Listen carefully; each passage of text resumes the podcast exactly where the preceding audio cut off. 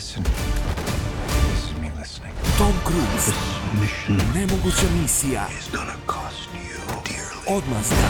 And the world's gonna be coming after you. Prvi deo. U bioskopima od 8. jula.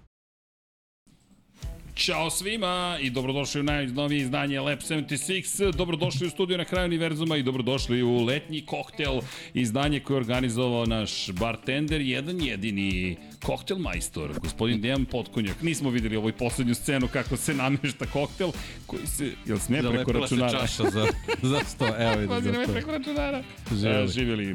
A, pa dobro nam došli izdanje 235, tu su nam i Milica i Martina, dobro nam došle devojke. A, thumbnail je promenjen upravo u ovom trenutku, inače nestala i muzika. Hoćemo muziku iz početka. Letnji koktel je krenuo. Čekamo. Čekamo. Nešto čekamo, ali nema veze. Dobro nam vi došli, nadam se da ćete nas se lepo zabaviti večeras, s obzirom na činjenicu da možda nema Moto Grand Prix, ali ipak ima Moto Grand Prix podcasta. Hteli smo i prošle srede da ga organizujemo, ali neki od njih su bili u Grčkoj, a neki od nas su bili u Bosni i Hercegovini. Pozdrav za gospodina Miodraga Kotura. Pozdrav za Hasana Bratića, gospodina koji nam je ustupio ovu predivnu fotografiju za thumbnail, koji nadam se da sada možete da vidite u njegovom prelepom izdanju kakav jeste. Imamo odjevnu muziku, ali nema veze, mi smo u najavi. Tako da znate, na pravom ste mestu u pravo vreme, nismo završili Lab 76, zapravo ga nismo ni počeli. Ali kreće ekipa da radi, tako da što sad ćemo da radimo? Danas ćemo da se družimo, naravno, i naravno, kao i uvek, hoću da vam kažem da se mazite i pazite budete dobri jedni prema drugima i da se volite i naravno da vozite računa jedni drugima, a mi ćemo treći put dobiti neku muziku možda, a možda i ne. Kako god, dobro nam došli. To je ono što je pojenta, kliknite like, molim vas. Devojke, pravilo je ovako, bez obzira što ste ovde, morate da gledate na mobilnom te, šalim se, naravno, ne morate ništa da radite, ali imam pitanje, za koga se navija? U Moto Grand Prix Tako je. U Moto Grand Prix? ima ih dosta. Ima ih dosta. Ima ih A, dosta. okej. Ali, Ali? Mark Marquez. Mark Marquez, dobro, dobro, imamo njega I u Moto temi. 2. U Moto 2? Tony Arbolino. Toni Arbolino, dobro. Milice? Kvartararo i Beceki, a teške dileme, kako izabrati jednog čoveka za koga navijati, ali dobro. Ne, nego odstupnica. Za svaki slučaj. da, da, a dobro, jedan, ali vidiš, imamo i Moto2 kategoriju, dakle, Toni Arbolino, lepo. Ajkula, jeste, jeste, lepo, lepo, dobro nam došle, nadam se da ćete se lepo zabaviti i da ćete uživati, a kao što vidite, koktel, inače bezalkoholni koktel je u pitanju, čisto da napomenemo, dakle, bezalkoholni, mogao je biti alkoholni, ali pošto trenutno koristimo motorno vozilo, Hashtag kad pijemo ne vozimo. Tako je, hashtag kada pijemo ne vozimo, tako da neka drugi voze vas. Ali e, nezvanično ću da vam saopštim par stvari, s obzirom na činjenicu da ćete moći nešto da nađete. I ovo je sada nezvanični početak jedne, ja se nadam, lepe saradnje. Kao što ste mogli da vidite, Mission Impossible je u bioskopima, odmazda prevideo. Tako da, ko nije gledao, topla preporuka, deki, kakav nam je komentar na Mission Impossible, onda ćemo imati mi jedan mali podcast. Zabavno, zabavno. Zabavno i moram priznati da je bilo dramatično. D dramatičnije nego što sam očekivao. Moram priznati da i pod ove stare dane sam očekivao da neće neko baš da mi napravi dramu, pogotovo ne u akcijnom filmu i tako dalje. Međutim, lepo su oni to izveli, tako da topla preporuka.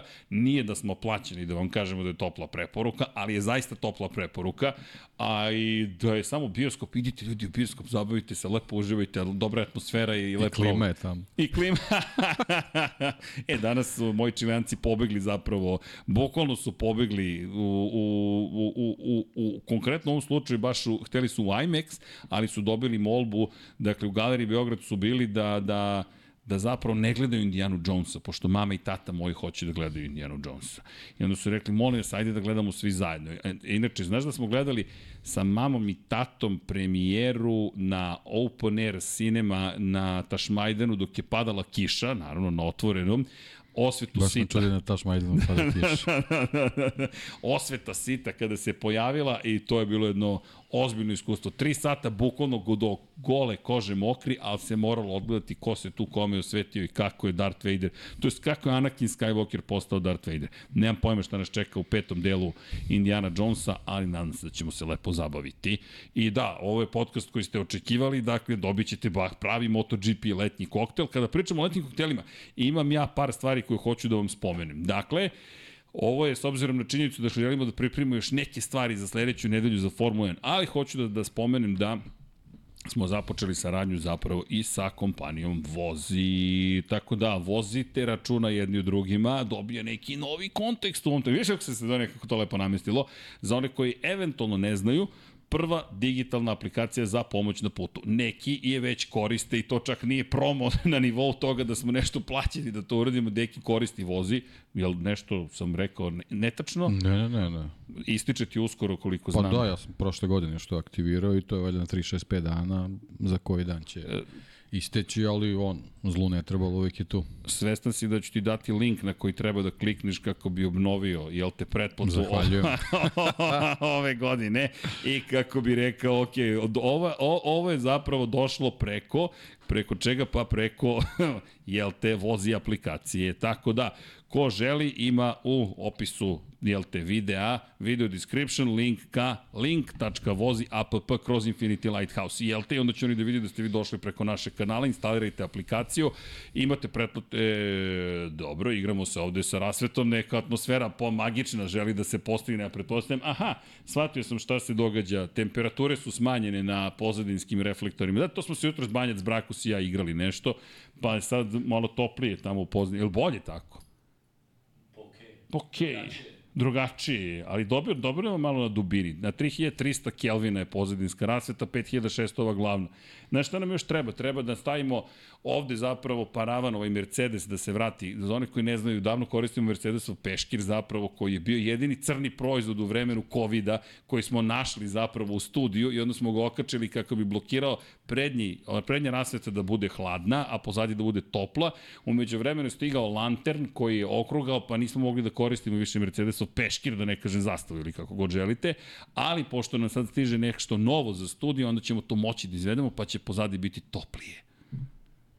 Šta god da sam rekao, kliknite like, sve je u redu, nemojte ništa da brinete, oni koji žele da budu podcasteri zna, znaće o čemu pričamo, ali da se mi vratimo, dakle, vozi aplikacija, ko nije instalirao, topla preporuka, jel te da instalirate, s obzirom na činjenicu da zaista jeste pomoć na putu u pitanju, deki, ma, kada pričamo o tome kako se koristi, ma, vrlo kratko, i ovo čak nije ni reklamni toliko EPP period, da ne kažem da je da onaj moment kada nešto promovišemo, već se bukvalno radi o tome da je zaista aplikacija koja vrlo korisna. Dakle, imaš aplikaciju u mobilnom Po telefonu. aplikacija dobiješ te pakete pomoći, zavisi naravno šta si izabere, ovaj, region koji želiš i u principu putuješ bez brige u slučaju da se nešto desi, dobiješ lepanje, prenoćište, servis, zavisi kako šta, ali, ali generalno korisna stvar.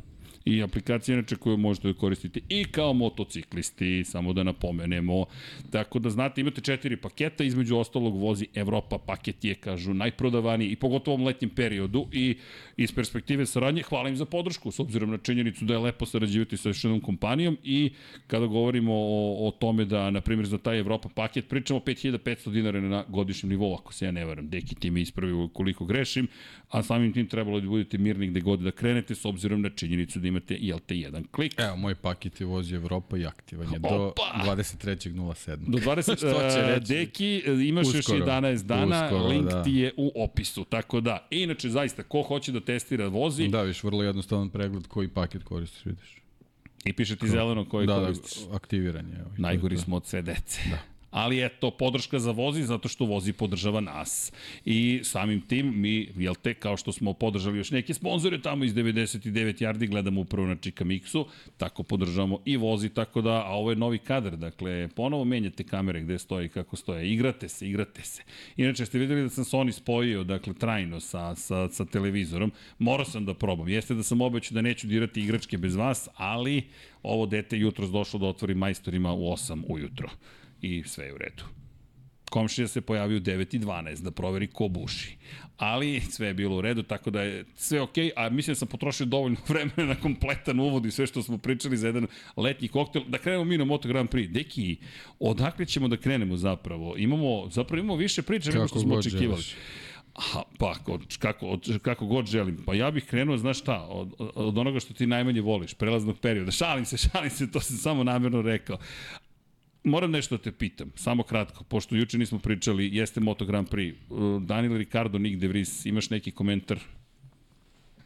Pa, ne znam, nekako uh, uobičajena stvar za Red Bull, ne znam, eto, jednostavno to mi, to mi nekako staje u, u tu rečenicu, ne bih ništa spektakulno pričao o, o Danielu Ricardo, s druge strane ni Niku De Vrisu, ali ne znam, nekako ipak čovjek koji ima onako prilično ovaj, prilično bogatu biografiju, nekako nije, nije dobio pravu šansu u Formuli 1, posebno zato što se eto ove godine naš u bolidu koji je daleko od, od, od konkurentnog, čak spada u, u, u ovaj, no karavana, ali jednostavno to je to je sudbina vozača, ne mogu svi da se nađu pravo mesto, na pravo mesto u pravo vreme, a kad si ovaj, u, u Red Bullu porodici, da onako nekako si pod lupom puta dva, opet s druge strane Daniel Ricardo, ovaj, čovjek koji ima tu, tu neku harizmu i, i dalje spada u grupu tih zvezda u, u Formuli 1,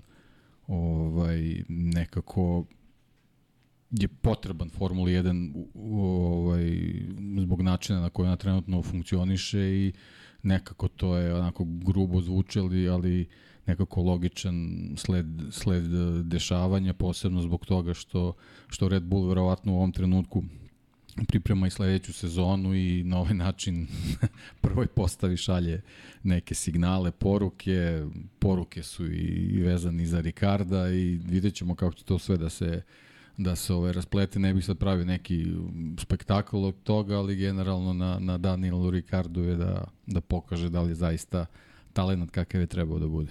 Da, imaće ozbiljan test u kontekstu toga da je ovo sve ili ništa, moje mišljenje, samo kratko, to smo pa i juče pričali. Yuki Tsunoda, ukoliko ga pobedi u ovome, Yuki Tsunoda, danas smo nešto pričali, The Giant Killer, ubica divova, dakle, eliminisao Nika De Vrisa, eliminisao će onda i Daniela Ricarda, to od Tsunoda niko očekivao nije. I iz te perspektive, naravno, veliki izazov iz jednog i za drugog. Hajde da vidimo šta će se dešavati. U svakom slučaju, nećemo više o Formuli 1, ali sam morao da te pitam zato pa, što je eto, velika kažem, je, promena ovo, velika promena sezone. u smislu tog nekog imena kako nosi Daniel Ricardo, opet s druge strane nigde Vris je nekako potonuo u, u toj čitavoj sezoni, a čovjek je višestruki šampion u, u, u raznim u raznim kategorijama, ali kažem, jednostavno nije Formula 1 nekako ovaj, ne ostavlja ranjenike, jednostavno ovaj, nema, nema u nekom trenutku se desi da, da dođe takva situacija da nemaš drugu šansu i nigde vrisi onako na, na, na svojoj koži. To najbolje, u stvari najgore osetio. Kada pričamo o tome ko je kako šta osetio na svojoj koži, dama navija za Marka Markeza. Moramo da se dotaknemo priče o Hondi. Deki, o, imamo priče i o Hondi, i o Marku Markezu, i o tome šta se dešava i nekako opet je u fokusu. Imali smo čak e, naše kolege iz društvenih mreža su izbacili Reels, e, dakle Reels na Instagramu, mislim i na TikToku nisam ispratio, tako da ne zamerite. Upravo o tim poređenjima Mark Marquez, Valentino Rossi, dotaći ćemo se i momente kada je Valentino Rossi odlučio da zapravo ode u penziju, pošto i to saopštio ovih dana, otkrio je detalje zapravo tog momenta kada je, kada je definitivno znao da se više neće trkati, ali kada pričamo o Marku Markezu, mnogo informacija, bez obzira što nekako tiho leto uvijek i u Moto Grand Prix ne očekujemo da, da neće biti previše informacija. Naravno ima i na nivou trač rubrike, ali ima i onih koji su malo ozbiljnije iz cele perspektive i kada govorimo o, o Marku Markezu, dotaći ćemo se i te priče o, o Rafaelu Nadalu i o tome da mu je požela na društvenim mrežama sreću u novim izazovima, šta god to značilo, ali krenuo bih od Takakija na Kagamije zapravo, koji je dao zanimljivu izjavu da je zapravo Honda, to se nekako možemo reći poklapa sa onim što je Štefan Bradl pričao pre dve nedelje, kada je rekao zapravo da ne postoji strategija u Hondi i da manje više se ne razume smer u kojem bi trebalo da se kreću ni po pitanju razvoja motocikla, ni u tome kako organizovati ekipu.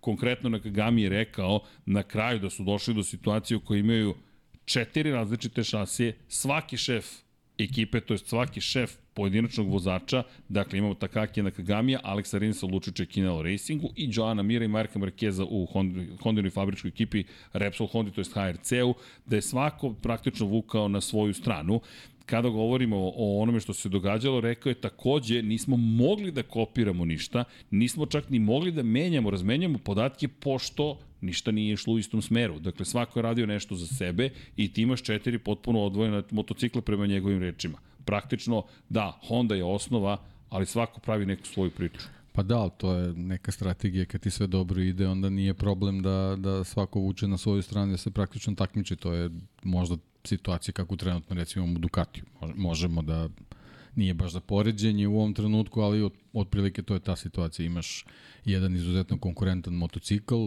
u nekoliko verzija i varijanti i onda imaš ekipe u, u kojima se nalaze po dvojice inženjeri i vozača i svako pakuje neku priču na, na, na svoj način i pokušava da bude što bolje na stazi. Tako je možda nekada bilo u Hondi dok je sve funkcionisalo kako treba. Sada ta situacija više nije takva, to smo pričali na početku sezone, jednostavno potrebno je da svi koji se nalaze u Hondi nekako ovaj, grupišu snage i pokuš, pokušaju da krenu u istom smeru da bi došli do, do te neke osnove konkurentnog motocikla, pošto oni to, to trenutno nemaju. Mislili smo da će sa dolaskom Kena Kavučija i, i Rinsa i Mira koji su imali jednu interesantnu strategiju Suzuki koja je očigledno funkcionisala na, na timski način. Uspevali su da, da budu konkurentni sa motociklom koji to baš i nije bio u svakom trenutku. Ovaj, ali eto, jednostavno Honda mo, je možda zaspala na nekim, na nekim lovorikama, desilo se šta se desilo tokom covid sa, sa Markom Markezom, ostali su zatečeni što nije ni, nikakvo opravdanje za, za, za, za takvog giganta kakvo je Honda. I sad eto dolazimo u tu situaciju da hajde što se to tako i dešava, ali ja nisam navikao baš da da slušam vozače iz Honda da o tome javno pričaju, tako da ovaj očigledno da tamo baš nije situacija takva da, da, da, da neke stvari funkcionišu kako treba, čak šta više da ništa ne funkcioniše kako treba i stvarno je potrebno da da ovaj na samom vrhu Honda lupe šakom stoji da oni jednostavno odluče koja je, koja je strategija jer samo tako će moći brže da, da krenu napred, napred jer ovo je sad situacija ne možemo sad da kažem su dotakli dno ali nekoliko trka gde nemaš ni jednu Hondu među vozačima koji osvajaju plasmane, pa trke gde imaš po jednog vozača i mislim to to nikako nikako nije Honda posebno zato što postoje četiri motocikla na gridu. A opet sa druge strane ta priča vezana za za nedostatak podataka, to jest nedeljenje podataka, pa to je generalno i bio problem, ne samo zbog toga da je neko to tako i hteo, već toliko povreda smo vozači imali da, da se dešavalo da ti imaš i krnje trke gde, ne, gde nemaš kompletnu postavu i jednostavno ne, ne postoje podaci koji bi mogli da se koriste. Tako da sa, sa različitih strana, sa više frontova Honda trpi udarce i ovo je stvarno izazovan period za njih da, da uopšte vidimo kako će da izdrže i dokle će da izdrže da, da, da nastave sa borbom da, da ovaj, izađu iz tih problema. Ja se samo nadam da će to da se desi, ali uh, ovaj, bez obzira koliko je Honda velika i koliko je posvećenje Moto Grand Prix, ja verujem da za sve postoje granice. Iz perspektive, ovaj intervju meni, Takaki Nakagami je mnogo bitan, moje mišljenje, ne znam da li se slažeš sa mnom i, i, i, i zanima me baš tvoje mišljenje, je Zašto važan? Zato što Takaki Nakagami zapravo je prvi koji nam daje malo više informacije o tome kako smo došli do toga da je Honda poslednja, da je najgora. I meni to neverovatno zvuči, da, da izgovorim uopšte Honda je poslednja, koja ima Marka Markeza, dakle čovjek koji ima osam titula, Joana Mira koji ima dve titule, Alex Arinso koji je više puta bio nadomak titule i u Moto3 i u Moto2 kategorijama, višestrukog pobednika sa Suzuki imao spektakularan kraj sezone prošle godine i Takaki Nakagami koga poštujemo, vrlo vredan radnik praktično, ali Nakagami je rekao par stvari. Do 2021. je dobio isti motocikl 18. 19. 20. 21. I rekao je da se suštinski nije mešao, nije menjao odnos kakav je imao, to jest osjećaj koji je imao s prednjim i zadnjim krajem. Menjao se način na koji je motor funkcionisao, kako se zapravo isporučuje snaga, koliki je obratni moment i tako dalje. Ali same karakteristike osnovne Honda su ostajale iste. I kaže da je za njega motocikl iz 2021. bio prilično dobar. Moram priznati da sam ja zbunjen u potpunosti s obzirom na činjenicu da su kroz 2018. 19. 20. 21. stalno govorili da je to motocikl koji samo Mark Marquez može da vozi. Onda su došli 2021. predvođeni na Kagamijem, Aleksom Marquezom i ko je bio treći u tom momentu Pole Spargaro. Pole Spargaro, oni su razvili motocikl za 2022. I Nakagami kaže, kada je prvi put seo na kraju 2021. na novu Hondu, rekao, o, ovo je potpuno drugačiji motocikl. Da bismo došli do toga da sada tvrdi, po na polovini 2023. da je prethodna sezona i po gubitak zapravo Hondinog DNK, a taj motor je napravljen da ima bolji zadnji kraj, jer su se sva trojica žalila da imaju kontrolu samo nad prednjim krajem, ali nemaju kontrolu nad zadnjim krajem. Da bismo sada došli u situaciju da niko više ne može da ga vozi, pa čak ni Mark Marquez, jer nema prepoznatljivog Hondinog motocikla. Pa čak i Marka, Ma- Mark Marquez, ali meni je veći problem što ne mogu da ga voze oni koji su ga razvijali, koji su tražili I te koji promene. kukaju na taj isti motocikl. I koji kažu ovo nije taj motocikl, a Marquez je opet bio najuspešniji na tom motociklu koji de facto nije njegov. Pošto se tu često govori o tome ko upravlja razvojem. Prema izjavama Marka Markeza, mislim da on ne upravlja više razvojem. To je da se ne zna ko upravlja razvojem i da se to nekako razvija. Ali, šta je još rekao Nakagami, svi podaci iz prethodnih sezona, pre 2021 više ništa ne važe. Ti sada imaš 2022. u kojoj pola sezone nisu imali Markeza i 2023. u kojoj pola nisu imali Markeza, Mark nisu imali Marquez, Mira, nisu imali krnja, Rinsa. Pa je krnja, što se tiče svih vozača, tako da... Ne, ja, ja ne- ne, ne znam, mislim, stvarno, to, to je onako, ako bi, ako bi ti podaci bili jedna knjiga, to je, to je knjiga koja je onako preživjela pljusak, blato, čupanje, kidanje i sad, sad treba to uzeti ponovo izanalizirati tu, tu, tu ruševinu te knjige i, i nekako doći do, do, do nečega što može da liči na konkurentan motocikl. A s druge str- strane rivali ne, ne da ne, Ne ne da ne spavaju, spav- ne, ne. nego ogromne, ogromne resurse koriste da Pa, napreduju. pa, pa evo ti digresija, Paul Espargaro koji je otišao nazad u, u KTM, zapravo u Gas Gas, ali to je KTM, i rekao da, da mu je mnogo teško, da je bilo u pogotovo u Herezu da gleda kako se i Jack Miller i Brad Binder u fabričkim motociklima na fabričkom KTM-u bore, plasirali su se na pobedničkom postoju jedan i drugi, kaže to mu je bio najteži moment. Inače, Paul je povredio leđa, eh, povredio je grudni koš, povredio je vilicu u onom padu u Portimao, propustio prvih osam trka sezone i došao u situaciju da samo može sa strane da posmatra kako KTM napreduje, jer u predsezoni KTM nije uopšte izgledao dobro. Da bismo došli do toga da je KTM pa, prilično ozbiljan motocikl. Ne znam da li je drugi ili treći u šampionatu, to je da li je bolji od Aprilia ili ne, svakako je Ducati najbolji, ali Pol Espargaro koji takođe kaže kako je teško posmatrati sada KTM kako napreduje, pri čemu stiže Pedro Acosta iz Moto dvojki, mada mlada dama navija za Toni Arbolina, ali dobro, ko će da osvoji titulu Moto 2? Kako? Pedro Acosta, opa, navijački Toni Arbolino, Realno, ali racionalno, realno. Danas sam pričao sa drugarom Goranom, kaže on, ja ne razumem, oni Pedro, kako on upravlja onim prednjim točkom, kako ono njemu se ne, ne, ne zatvori, zatvorilo mu se samo u Lemanu, ali jeste fascinantan vozač i koliko god da navijate za Toni Arbolina, mislim da ste u pravu, da, da, da, će, da će biti Acosta na sezonu, ali svi nekako Tako, to a vidimo. Costa kao, kao Pedroson, Mr. 62%. da, ali bukvalno, da, da, da, ali sjajno izgleda na tom motociklu. Elem, da se vratimo na, na, na, dakle, na ovu priču. Dakle, kada govorimo o tome da, da, da, da je KTM taj koji koji negde ide, definitivno negde ide, Honda ne ide nigde, Pole Spargaro koji je razvio ovaj motocikl na kraju dobio otkaz, a mi se sada vraćamo na to da zapravo ko upravlja razvojem u Hondi. Ko sada upravlja razvojem u Hondi? Ko ti je fabrički, ko ti je probni vozač? Štefan Bradl, svo dužno poštovanje, ali Štefan, ne znam, jel slušaju njega, jel slušaju ono što su dobili od Pola Espargara prošle ne, ali vidiš godine? recimo, Koga sad, slušaju? kad smo već spomenuli KTM, ti imaš Danija Pedrosu i imaš Breda Bindera koji je na početku sezone određen kao vozač koje, čije će biti poslednji. Tako je. Ko je to u Hondi? Jedno i drugo mesto. Niko. Ima ih četvorica. To ti kao onaj čuveni test Pa u... petorica sa Peta, Bradlom. petorica sa Bradlom petorica. Ali Bradl nije Dani Pedrosa. Što bi Srđan rekao svo dužno poštovanje. I to postala sada poštapalice, dobro. Imam ih više, ali dobro. E da, da pozdravim još jednom ekipu sa aerodroma Beograd koju sam sreo ovoga vikenda dok sam dočekivao moje čileance. Zaboravio sam imena, dragi ljudi, ali ljudi koji se bave čime? Pa, zdravstveni su radnici. Hvala vam na svemu što činite za sve nas i što nas spašavate i popravljate, pa i vozače Moto Grand Prix. I baš smo pričali o svemu i svačemu i ja sam izvinjavam što sam bio nepristojan, samo sam pobegao kad me brat pozvao.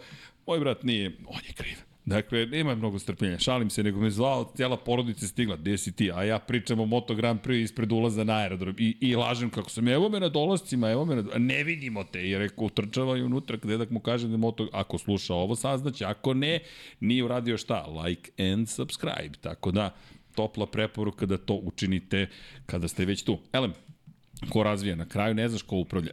Pritom si ti doveo Kena Kavućija, ti si doveo novu osobu, tehničkog direktora koji je sad tehnički menadžer, koji ne poznaje Hondu, zamenio si dakle, ekipu koja je do tada imalo uspehe, promenio si kompletan motocikl, Marquez se vratio u nešto nepoznato, Nakagami nije zadovoljan motorom koji su, motociklom koji su sami razvijali, baš je onako raspad sistema. Da li sad kad pogledaš uh, okruženje iz kojeg je došao kao ko je tamo odlučivao o razvoju Suzuki-a? Oni su jednostavno bili jedan tim koji je zajedno Da, da, da, da. funkcionisao i njemu to nije smetalo kad, kad je došao na ovo mesto. On, on očigledno nije insistirao da, da neki od vozača preuzme tu ulogu. Tom nekom raspodelom Rinsa i, i Mira možda je Joan Mir trebao da, da, da preuzme neku inicijativu da on, da on bude ovaj čovek koji koji upravlja čitavom pričom, nažalost, on, on je toliko povređen da jednostavno ne, ne postoji mogućnost da, da uopšte da bilo, bilo kakvu informaciju. Rins je posle pobede u Teksasu možda mogu da bude prepoznat kao neko ko će uh, ko zna da, da izvuče uh, ovaj, tu konkurentnost iz motocikla, međutim, evo, i njega gubimo na duže vreme i jednostavno Honda je u takvim problemima što se tiče tog organizacijnog dela oko vozača i ljudi koji trebaju da usmere taj razvoj u, u, u nekom nekom pravcu ovaj da da to stvarno ovaj ne znam, mislim, stvarno zvuči kao neko opravdanje za njih, ali, ali jednostavno takva je situacija da, da, da ono, šta još može da im se desi. I dođemo onda do Marka Markeza, koji je najveća zvezda u toj ekipi, koji ima tu čuvenu sada fotografiju, ne znam da li se previše tumači ono što se događa na Instagramu, ali Rafael Nadal koji mu kaže želim ti svu sreću u novim poduhvatima. Šta god to značilo. Ne znam šta su novi poduhvati, pri čemu ima tu zanimljivih par stvari. Honda ima ugovor sa Markezom do kraja 2024. Pričali smo već o tome, razmišlja o tome da ne ostane u ekipi. Alberto Puđ je rekao otvoreno menadžer ekipe HRC, ok, mi ćemo ga pustiti da ide nekim svojim putem. Svaki čovjek je slobodan, da, ima ugovor, ali mi ćemo ispoštovati volju Marka Markeza. Zatim, dolazimo do toga da u toj celoj priči o, jel te, volji, njegov brat se oglašava i kaže moja preporuka nikada ne bi bila Marku da napusti, da prekrši ugovor sa Hondom i onda dolazimo zapravo do čega? Dolazimo sada do priče o Ducatiju, izvršnom direktoru, direktoru Ducatija, dakle ne o Luigi Dalini.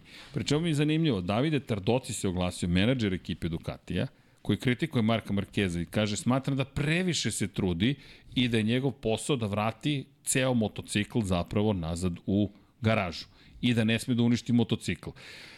S druge strane, Claudio Domenicali se uključuje u celu priču i kaže, vidi, sve okej, okay, ali ne odbija mogućnost da će možda Marka Markeza čak i oni angažovati. Već kaže, to će biti kompleksno ukoliko se desi. Dakle, deki tamo malo tumačimo između redova, ali postoji priča. I onda dolazi još KTM koji sve više pričaju da želi da dovede Marka Markeza. Sad, to nema potvrdu ni jednu iz KTM-a, ali šuška se gde ima da ima, obično vatre. Sad, za koju godinu? Sledeću, za 2025. Uz dolazak Pedra Koste, uz celu priču o KTM-u, baš se zakomplikovalo. Gde će Mark Marquez sledeće godine? Pri čemu, ako oni stvarno na testu u Mizanu ne reše taj problem, jer to je poslednja stanica, baš se postavlja to ogromno pitanje šta onda u toj cijeloj priči sa Markom Markezom. Otvaramo s njim zbog Honda pre svega. Čak sad ovo više nije pitanje samo Marka Markeza, ovo je pitanje Honda i još jedna stvar, ako KTM dobije šesti motocikl, a to se sve više priča, da bi zadovoljili potrebe Pedra Koste, zadržali Pola Espargara, zadržali Breda Bindera i Jacka Millera, pa možda i Augusta Fernandeza u celoj priči. Ostaje ti još jedno mesto, to će biti mesto broj 6, koje je sad ne samo što dovodi do toga da će možda da uzmu Markeza, već protiv koga se onda bore Honda i Yamaha? Protiv 8 Ducatija i 6 KTM-ova i 4 Aprilije. Deki, gde će do prvih 18 pozicija su evropski proizvođači. Puštaj špicu miksu, gotovo. pa sviraj kraj, šta? Pa to, no, pa da. bukvalno. Znaš, mene sa, sad me prvi put pa zabrinjava situacija. Pa, to je potpuno legitiman zahtev KTM, ako tako nešto i postoji, zato što jednostavno osam Ducatija je stvorilo takvu situaciju da svi proizvođači koji imaju mogućnosti za više motocikala oni to mogu da iskoriste, a KTM je ponovo u nekom naletu moram priznati pomalo neočekivan posle, posle, posle prošlogodišnje sezone ovo sve što se dešava ove, ove godine deluje da su ponovo na nekom dobrom kursu i, i to je nešto što treba da se iskoristi, a posledno se iskoristi taj trend sa velikim brojem motocikala. Ja mislim da, da ni Dorna u, u toj situaciji neće imati ništa protiv, tako da ovaj, ako, ako postoji ta, ta želja ka tema, mislim da, da, ovaj, da, da će to biti vrlo lako ostvarivo je sad koji vozači će tu dobiti šansu ovaj, sad ti si već otprilike izlicitirao šta bi, šta bi moglo da bude neki, neki sled dešavanja, ali što se tiče Marka Markeza, jedino što je izvesno je da njemu vreme teče.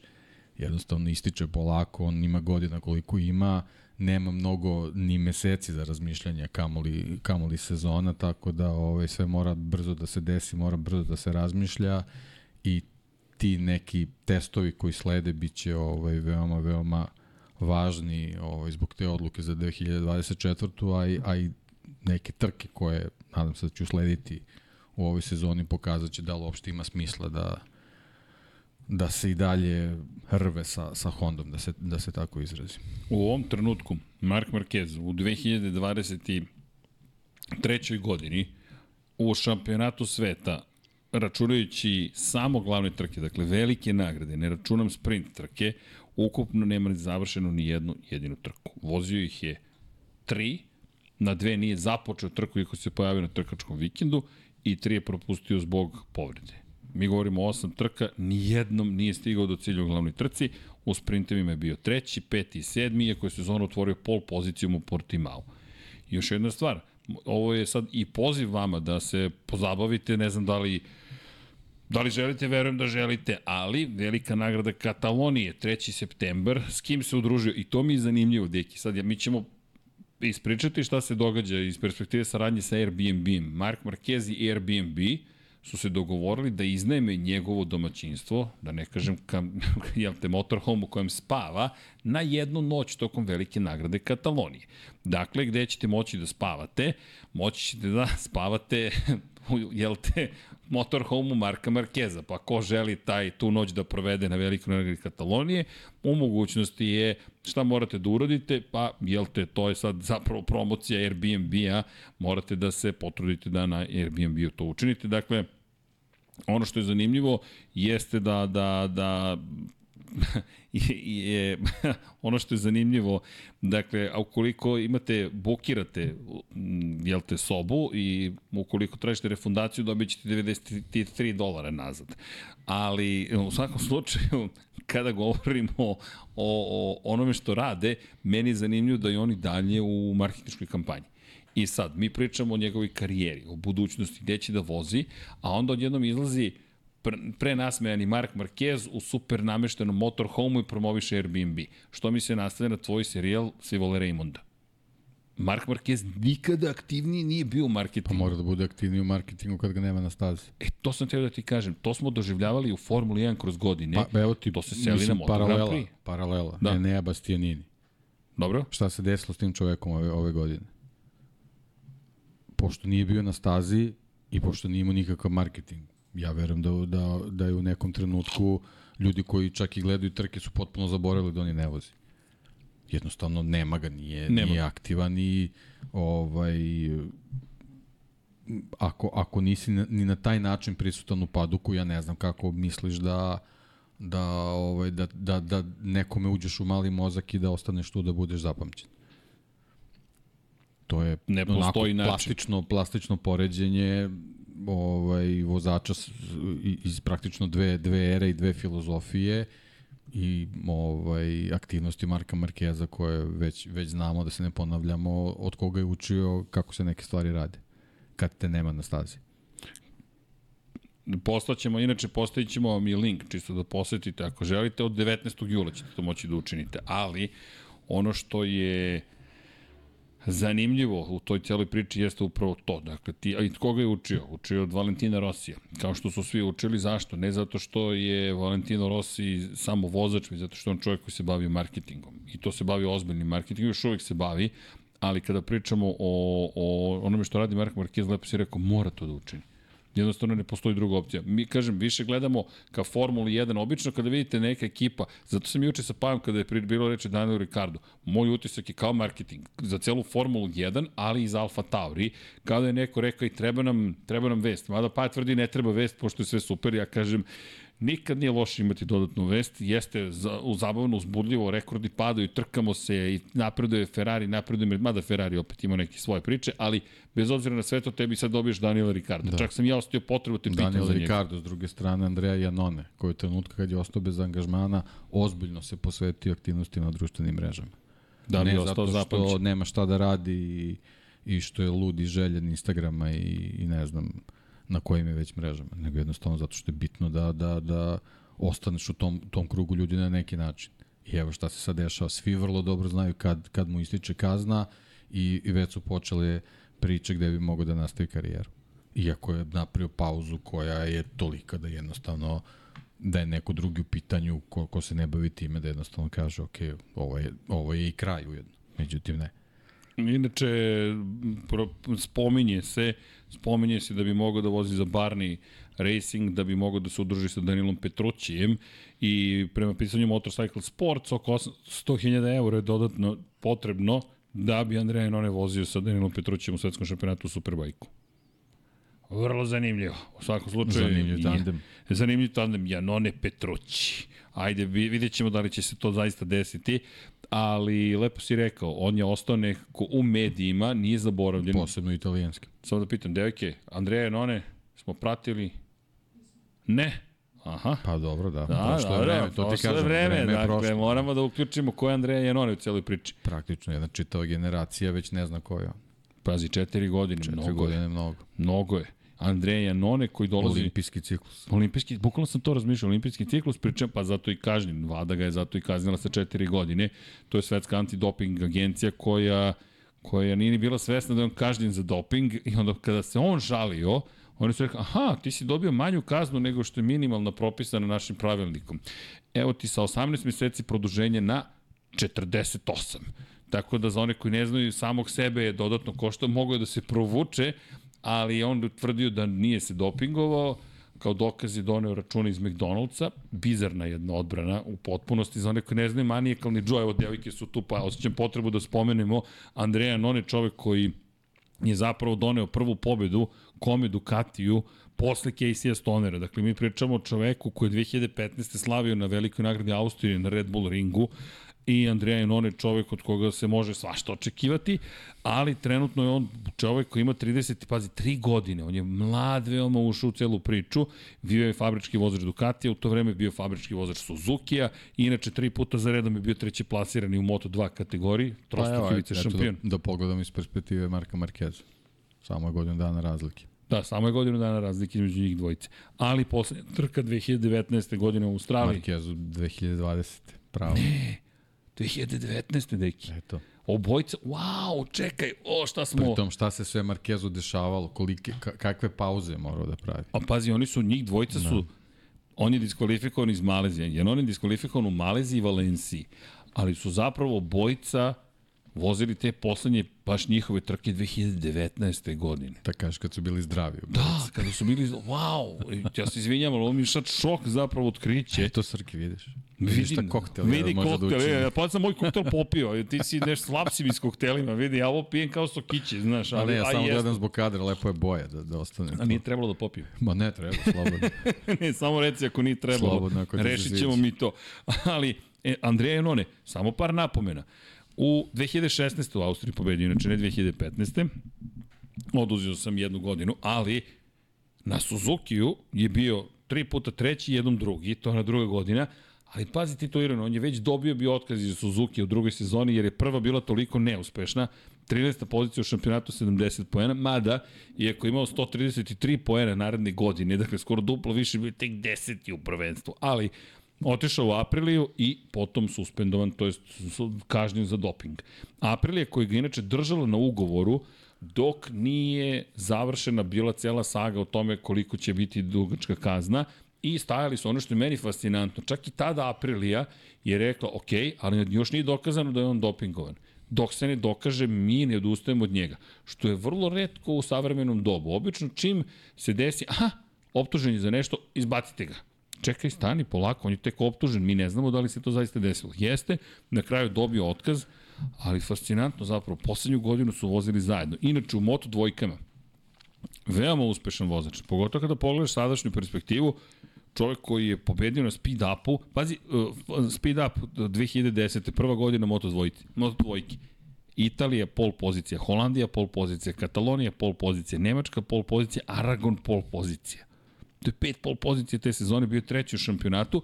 Posle toga, inače, zabeležio tri pobede. Tri pobede zabeležio naredne godine, dve pobede naredne godine, svaki put je bio treći. Nije uspevao da osvoji titule. E, Speed Up je vozio 2010. i 12. Sutra 2011. godine i onda je stigao u Ducati. Četiri godine na Ducatiju, ali pored te pobede, bilo je tu i pehova i grešaka, izbacivanja Andreja Nonea sa stazi, tako. Svašta se dešavalo u karijeri. Živopis. Andrej Dovicioza izbacio Dovija, da. A ne sebe. Dobro, i sebe izbacio, ali dobro. Razumete šta sam hteo da kažem. U svakom slučaju, da, odnosno mi na Janone, vidiš kako se ovo nekako š, razvilo. Pa ne, čisto o tim nekim godinama, da li je, da li je Marquez ovaj, mator ili tako dalje, ali generalno zbog svih tih povreda njegova situacija nije, nije svetla i jednostavno kažem, ovaj, vreme prolazi i mora mora brzo da, da donese neke odluke, bilo da ostaje u Honda ili, ili da traži drugu, drugu, drugi motocikl. Da, inače, zanimljivo mi je da, da kada posmatramo sve što se dešava sa, sa, sa, sa, ajde, sa Markom Markezom, da ga nećemo videti nužno na, na, na, na, na, na, na Goodwoodu i to mi je zanimljivo, pošto je na Goodwoodu baš potvrđeno da će biti dosta ljudi. Inače, Goodwood počinje za one koji ne znaju sutra, traje do 16. jula. Goodwood festival brzine, jedan od najvećih festivala brzine, ko nije bio u prilici, ste bio neki veš? I? I? Pa, kratka je ovo emisija.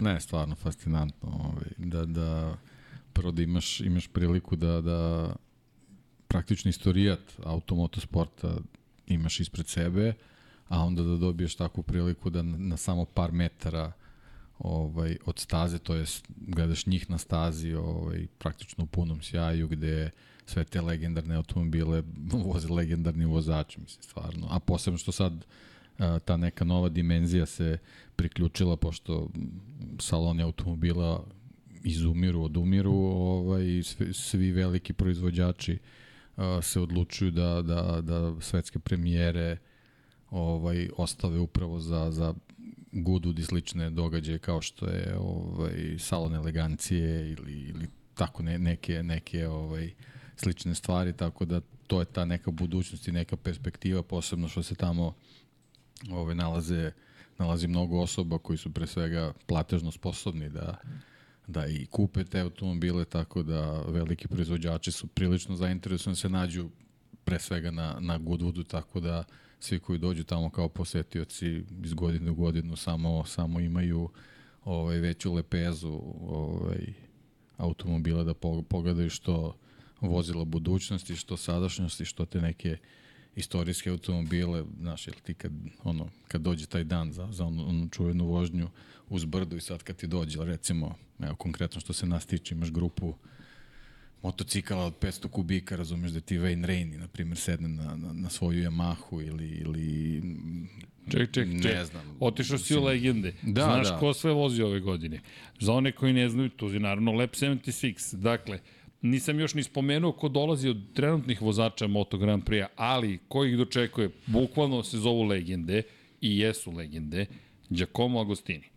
Čovjek ima 15 titula, 122 pobjede u karijeri. Mick Duan, čovjek koji ima 5 titula, jel te ne znam tačan broj pobjeda za Mika, mislim 54. Zatim Freddy Spencer. Koliko titula ima Freddy Spencer? On ima 3, ja mislim, dve u 250, jedna u 500, ako se ne varam. Ne, ili je Freddy, Steady Freddy, čekaj, moram da proverim. Da, on je samo malo stariji od ovih, ali mislim da, da je, da, da si u pravu, da je jedna možda. Da, mislim da je jednom u 500 da. kubika, jer posle toga je bio potpuno potrošen. Jer on je jedini čovjek koji je spojio, da, da jednom u 500, ne, dva puta u 500, izvini. puta u Da, 500. bio je 583. pa je po 85. spojio 250 i 500 ne, neverovatan poduhvat, blago rečeno. U svakom slučaju, bit će i Freddy Spencer, bit će Casey Stoner, čovjek koji je osvojio dve titule u Moto Grand Prix-u, jednu sa Ducatijem, jednu sa Hondom. Biće Kevin Švanc, za one koji ne znaju ko je Kevin Schwantz, legenda 1993. godine osvojio sa Suzuki titulu, legendarni zaista vozač. Wayne Gardner zatim će biti čovjek koji je osvojio titulu 1988. u Moto Grand Prix. Kenny Roberts mlađi, dakle ne stariji, prošle godine je bio stariji, kralj Kenny, ovo je kralj Kenny mlađi, je princ Kenny, dakle, koji je osvojio titulu 2000. godine takođe sa Suzuki, pa Alex Crevier, šampion sveta iz 1999. godine i Randy Mamola, višestruki vice šampion. To su legende. Ko, se još, ko još dolazi na festival brzine? Iz Ducatija stiže ko? Michele Piro, ok, probni vozač, četvrtak i petak su njegovi, subota i nedelja, Francesco Banjaje i Nea Bastianini. Deki, Pa ne, dokaz koliko je Goodwood postao bitan. fabrički tim dolazi, nešto, to, to, to, to više nije, ne, ne, nije šala, nego ti dovodiš bukvalno svoje naj, naj, najzvučnije vozače i najbolje vozače koje ti Poenta trenutno imaš. Goodwooda je što, što ti si do sada imao te velike salone automobila poput Ženeve, Frankfurta, Detroita i u principu to su bila neka statična predstavljanja ovaj, automobila i motocikala, a Goodwood je jedinstven po tome što veliki deo tih, da kažemo, eksponata se na kraju nađe na stazi. To je u stvari ta, ta veličina i, i kvalitet tog koncepta koji je to vremenom izrastao u ono, najveću globalnu automoto manifestaciju po meni. Da, inače, to je staza zvanično, to brdska trka zapravo, ako ćemo tako da gledamo. Da, koja je dugačka 1890 metara. Da, to je to je jedan deo, postoji Goodwood ima, Ima svoju klasičnu stazu, ta- jeste. Tako ima, ima poligon za, za, za ovaj, makadam za, za vožnju reli automobila. Mislim, svašta se nalazi u tom kompleksu. pravi festival brzine, ali bukvalno u svakom smislu. Inače, on je relativno mlad, 1993. je osnovan, ali Goodwood je već sada Pa dobro, to je već 30 godina. 30 godina. Da, znaš, da. 30 godina, on je toliko važan. Lord March ga inače osnovo kako bi doveo opet sve koji vole na, u Goodwood i stvorio je zapravo pravi Neko festival skuplja brzine. modele autiće, neko skuplja prave automobile. Neko Možemo najbolje da vozače sveta. samo, da, da. da, da, da. Skupe igračke. Inače, KTM takođe će biti interesantno. Brad Binder će doći i bit će prisutan i u subotu i u nedelju, pri čemu nismo zaboravili smo, znaš koga da spomenemo, Miku Kalija, to je takođe dugogodišnji da. test vozač KTM. Pa evo razlika, ja sam, ja sam 2016. bio na Goodwoodu, znači to je pre 7 godina. A, tad su na Goodwoodu bili isključivo istorijski motocikli. Goodwood Revival, na primjer. Ne, ne, ne To- to revival, čak- znači ovo, ovo je bila, bila klasična izlo, Samo- izložba, klasičan deo Goodwooda sa vožnjom, ovaj, recimo jedan od, od vozača ovaj, motocikla, se ne mogu setim koji je motocikl vozio, mislim da je bio neki, neki Ducati, bio Keanu Reeves. Tako da ovaj i tu se napravio taj pomak da da fabrike sa svojom sa svojim prvim postavama praktično dolaze i i ovaj nastupaju na na Goodwoodu. Menjaju se stvari, polako ali Ne, sigurno. ne, apsolutno, apsolutno je postao jako jako bitno. A pogledaj ovo, Pole Spargaro će svoj prvi nastup zapravo na Tech 3 motociklu, to je gas gasu, imati upravo u Goodwoodu, što je prilika za njega da sedne na taj motocikl, koliko god to kratko trajalo, makar da kaže, ej, tu sam ponovo, pridružit ćemo se Augusto Fernandez, dakle oba vozača gas gasa, za one koji, kažem, ne znaju, ponavljam, četvrtak, petak, subota, nedelja, Goodwood je u toku, moći ćete live stream da pratite na Moto Grand Prix-u, na društvenim mrežama Moto Grand Prix-a i imaćete priliku da bukvalno uživate u svemu što se tamo događa. Tako da iskoristite vreme, pred vama je zapravo pa nije trkački vikend, ali jedan lep vikend gde će motocikli biti na stazi. Pored toga, opet, Aprilija takođe nije zaboravila koga će da pošalje. Ono što je meni zanimljivo jeste da su Miguel Oliveira i Raul Fernandez dobili priliku zapravo da predstavljaju Apriliju, s obzirom na činjenicu da će biti Lorenzo Savadori predstavnik fabričkog tima, ali Cryptodata RNF Moto Grand Prix tim je dobio šansu da bude u Goodwoodu i mislim da je to podrška zapravo satelitskom timu. Da mu da kažu satelitskom timu, ej, pojavite se kao predstavnici Aprilije i imamo Savu, Lorenzo Savadorija, koji će nositi fabričke boje.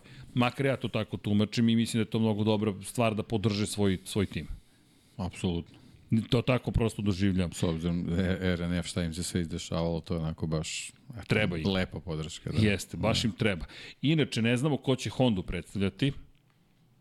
Apropo, Duan. A, neki surovo i Freddy Spencer, da, to je to. Ali da, Honda trebalo je Alex Gardner, pa dobro, tu su. Tu su, pa ne, da, da, da, da. ima, ima kako nema. Pa Alex Krivije isto, čekaj. Jel tako? Tako je, I Alex tako je je. osvojio titulu sa Hondom. Biće tu predstavnik, ali deki surovo, surovo si. Ali je zapravo najslikovitiji zapravo opis trenutnog momenta i situacije u kojoj se nalazi Honda. Dakle, ne postoji ništa iz ove godine, ali zato imamo sve nekadašnje šampione koji će zapravo da izađu na stazu. Jer ti kada pogledaš, ne zna se ko će biti. Oporavlja se od ne, nezgode koju ima u Muđelu i ono što očekujemo da budu boje Lučića i Kinelo Racinga. Takaki Nakagami ne može da se pojavi s obzirom na činjenicu da mora da promoviš i Demicu, a ovde će Castro igrati glavnu ulogu. Tako da čekamo da vidimo ko će se tu pojaviti. Štefan Bradl, verovatno, Pa pretpostavljam. moguće, da. Ne da, znam. Zavisi od obaveza, imaju oni, imaju oni posla. Da, i onda dolazimo do toga da koga nema? Yamahi. Nema Yamahi, deki. Nema je. Dakle, čak je ni ovde nema. Pa, eto, to, to su te, ta neka reagovanja japanskih fabrika, onako, čudna. Znaš, evropljani su poslali najjače postave, dolaze vozači koji su se oporavili, ide se ceo nastup, to će prenositi Moto Grand Prix, koga nema dve fabrike kojima je to najpotrebnije. Da se, da se makar pojave, da kažu, hej, čao, setite se nas, apropo Markeza i promociji i svega ostalog. Neverovatno. Meni je neverovatno, zaista. Razumem da imaš zadršku, ali moraš to da rešiš. Ne možeš ti dođeš u situaciju da dan pre početka Goodwooda zapravo, u stvari nije, možda su sad i saopštili, moram da proverim da li je LCR izbacio saopštenje ko će biti na Goodwoodu. Samo da vidim, ne, ne, poslednja vest je stara vest, ali dobro, ajde, nadam se da ćemo sutra saznati ko će zapravo tamo biti. Ali kako god da pogledaš, Goodwood stiže, pa eto, imamo čemu i tu da se radujemo između ostalog. Ne znam kako sam skočio na Goodwood u cijeloj priči, ali smo skočili na Goodwood jer ga volimo. Jer, jel te, to je Goodwood festival brzine. Elem, da pokušam da se malo vratim na, na, na, na, na početak naše teme i da je zaokružimo. Dakle, što se tiče Honda, niko ništa tu ne zna i čekamo. I to je sve što možemo da kažemo. Čekamo zapravo Mizano, koji će se desiti početkom septembra i onda da vidimo kuda, kako. Pa ne, najgore ova situacija s ovim modernim pravilima gde jednostavno ti ovu veliku pauzu ne možeš da iskoristiš praktično ni za šta i, i, i to je u stvari i, i glavni problem jer, ti jednostavno neke stvari koje se zaključuju na početku sezone, a ti si pogrešio u pravcu, jednostavno nemaš, nemaš ni prilike ni vremena da, da ispraviš i, i to samo ide u stvari na ruku onima koji su se već dobro snašli. Malo je, malo, malo gubimo taj, taj neki žar koji koji je ranije bio, ali eto jednostavno na, na, na svima je da se, da se prilagodi tim nekim novim, novim propisima, oni nekad nekom idu onako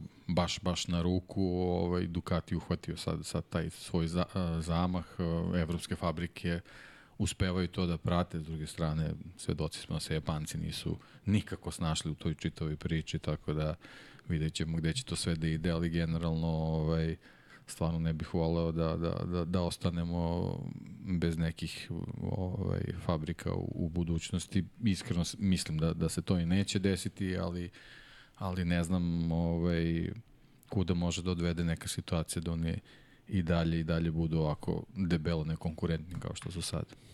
Pa ne vidim gde možeš dalje da odeš od ovoga, deki.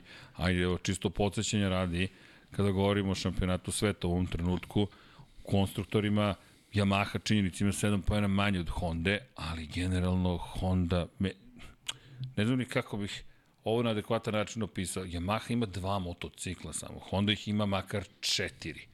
I jedva je usporo doći do tih 7 pojena da nije pobedio.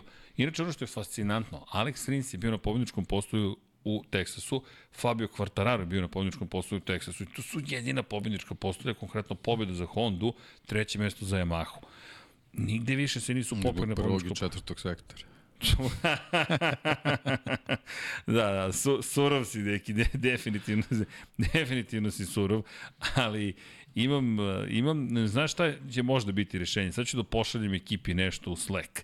Znate gde možda leži rešenje, bacite pogled, deki, nadam, mada se nadam da će ovo naš nekadašnji dizajner Bogdan Brđević takođe da pogleda.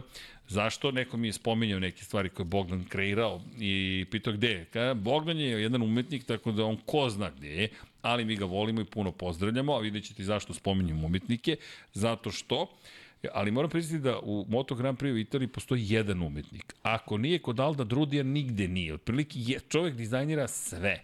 Od kaciga do motocikala, do motorhomova, do čizama, do ne znam, nalepnica, do čega, dame i gospodo, pa vidjet ćemo sad da li sam pogodio tajming ubacivanja, sad kad kliknu transition, evo ga, zvanični poster velike nagrade San Marina i Riviere Riminija, zašto ga spominjem, juče je prezentovan javnosti, 8. 9. i 10. septembar, zašto opet spominjem, pa zato što od 11. septembra treba da stigne ta nova Honda.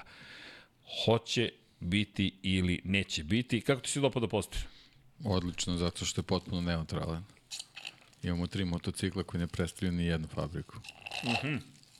Moram pitam ovo ciklama, koga Svaka čast. Dobro, ovaj malo ovo vuče na Ducati, zar Pa, ne? ne. Ne. to jest ništa ne piše i to jeste lepo. Ne, ne, ne. Abstraktno nije, je. Nije, super super. Meni se dopada iskreno. Vuče mi malo na, na neke Bogdanove radove, ali, ali ovo je onako sponzorski. Molim, kako? Nešto su mi mahnuli kolege iz realizacije, ne, ne, nisam ja u pitanju dobro, ali eto, inače poziv svima, ej ljudi, ako idete na trke, približava se velika nagrada Austrije, Red Bull Ring, pa toplo, topla preporuka, pakujte se, vreme je, 20. avgust je tu, ako nećete tamo, idite u Mizano, koliko ima stotina kilometara od Beograda do, do, do Red Bull Ringa? Jedno š- 800? Ne, ne, Nije, bliže, manje. Bliže, bliže. Bliže, 650? Tako, tako nešto oko 650, a 1000 je do Mizana. Tako da izračunajte, mi gledamo odavde koliko nam treba. Imam prosek 100 km po, po, po, po, po, po, po, po, jel te, satu, pa eto, na 10 sati bez pauze, dakle na 12 sati, prilike lagane vožnje.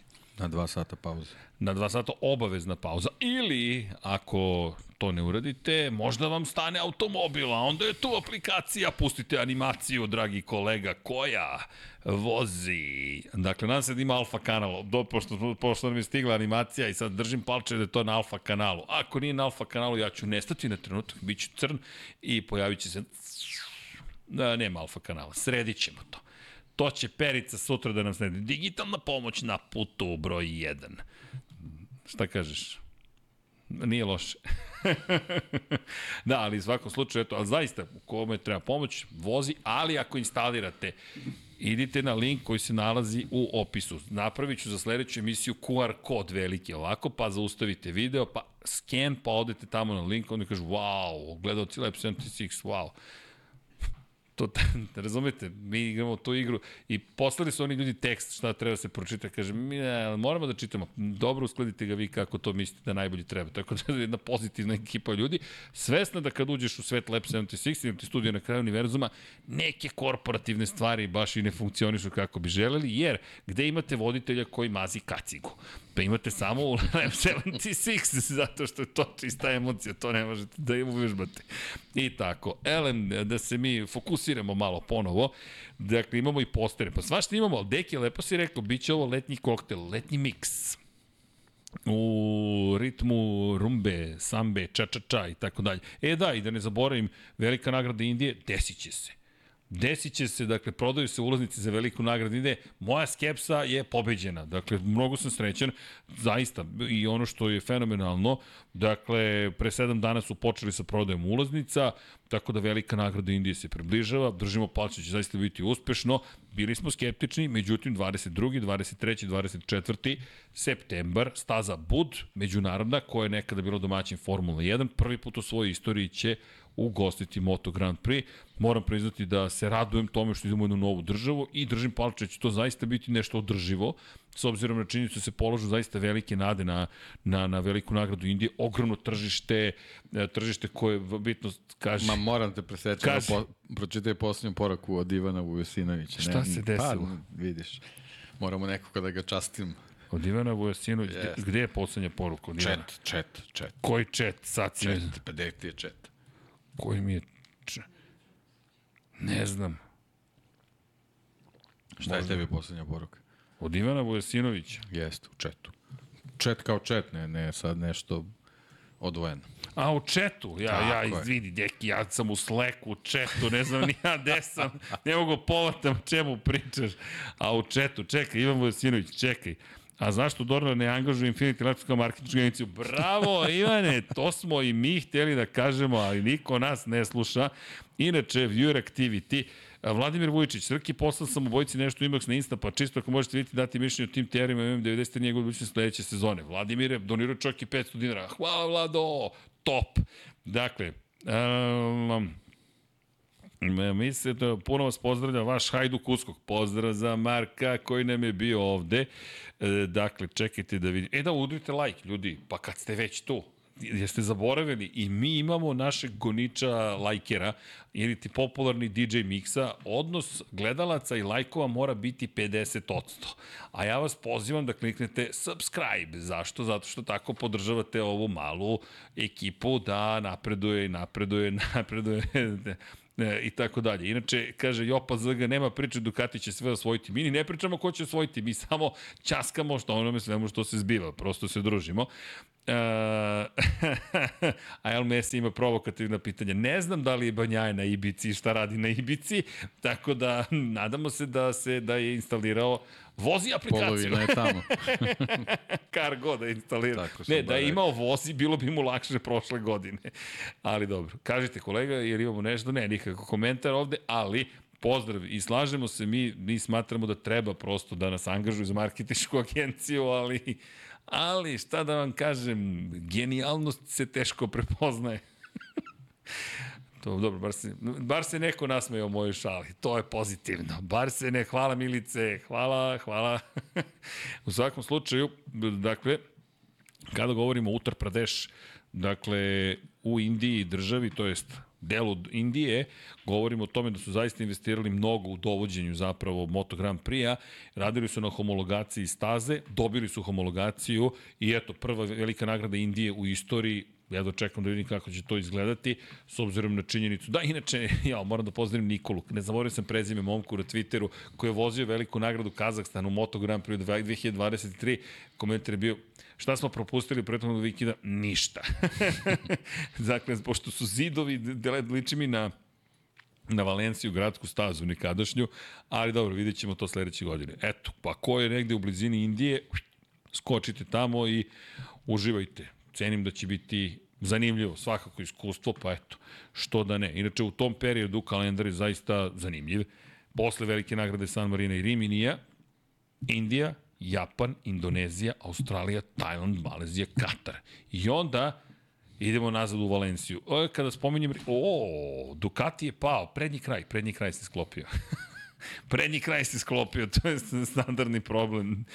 Dakle, kako sam ga zao, palcem oborio. Elem, 20. Nemojte zaboraviti, 6. novembra, Mami rođendan mojoj, 26. novembar, dakle, da ma, mama slavi, um, nije bitno koji rođendan, ali, znaš šta sam joj rekao? Rekao, mama, ti moraš da svaki, godine, svaki rođendan, nemoj da se nerviraš zbog godina i nemoj da smanjuješ za 10, nego povećaj za 10. Samo zamisli šok, bilo čiji, kada ti kažeš da imaš 10 godina više nego što stvarno imaš. Zamisli koliko ćeš komplimenata dobiti. Svi će ti reći, wow, zar to mogu i ja? Pa hvala vam, mogu. Ja imam 57 godina. Izgledam sjajno, a lep. Um, da, hvala Vlado, hvala Vlado, do, dobacuju ovde. Alo, grčki hor, molim vas, ne, nemam potrebe za time. Elem, 26. novembra smo nazad, dakle, u Valenciji. Velika nagrada Kazahstana trebalo da se drži 9. jula, neće, nažalost, ali sam hteo nešto drugo da kažem. Da, Ricardo Tormo dobija novi asfalt. To je isto važna vest. Deki, e, najzad rekao bih, ali čak ne znam ni da li da kažem najzad. Znači, briši sve podatke. Kreće mi, o, Honda Sve iz pobeđuje. Honda da. pobeđuje. Da, to je, počeli su radovi na postavljanju novog asfalta, to se desilo prošle nedelje, malo smo, kažem, propustili prošle nedelje, ni jedan ni drugi nismo bili tu, završavali smo neke poslove i inače imate puno pozdrav od gospodina Miodraga Kotura, tako da znate, pozdrav za cijelu ekipu, ugostio nas je nekim povodima, nešto tamo smo išli da pričamo, svašta nešto sprema kuhinja Infinity. Neko je napisao danas kuhinja Infinity Lighthouse. E da, i da pozovem sve. Ljudi, ako niste videli našu objavu na društvenim mrežama, molim vas, molim vas, molim vas, kogod da je bio, dakle god da ste dolazili, gde god da ste stajali tokom Red Bull show rana Formula 1 prošle godine, ako neko u podcastu koji je namenjen Moto Grand Prix-u, to jest čija je tema Moto Grand Prix bio prošle godine. Molim vas, ja se izvinjam, ako ste nam već slali prošle godine, mi to nismo preuzeli, nismo baš se snašli u datom trenutku, lab76 at infinitylighthouse.com. Fotografije, video snimke, šta god da imate, puno će nam značiti nešto priprema ekipa, pa hoćemo da obeležimo i to što se dešavalo pre, pre jedne, skoro cele godine i tako dalje i tako dalje. Pa eto, baš bi nam značilo da vaš pogled nekako pretvorimo u jednu lepu priču. Ajde da se zaustavim na tome. Pa eto, držim palčeve da ćete nam pomoći. A kada govorimo o Ricardu Tormu, da, trebalo bi da završe do kraja avgusta zapravo radove.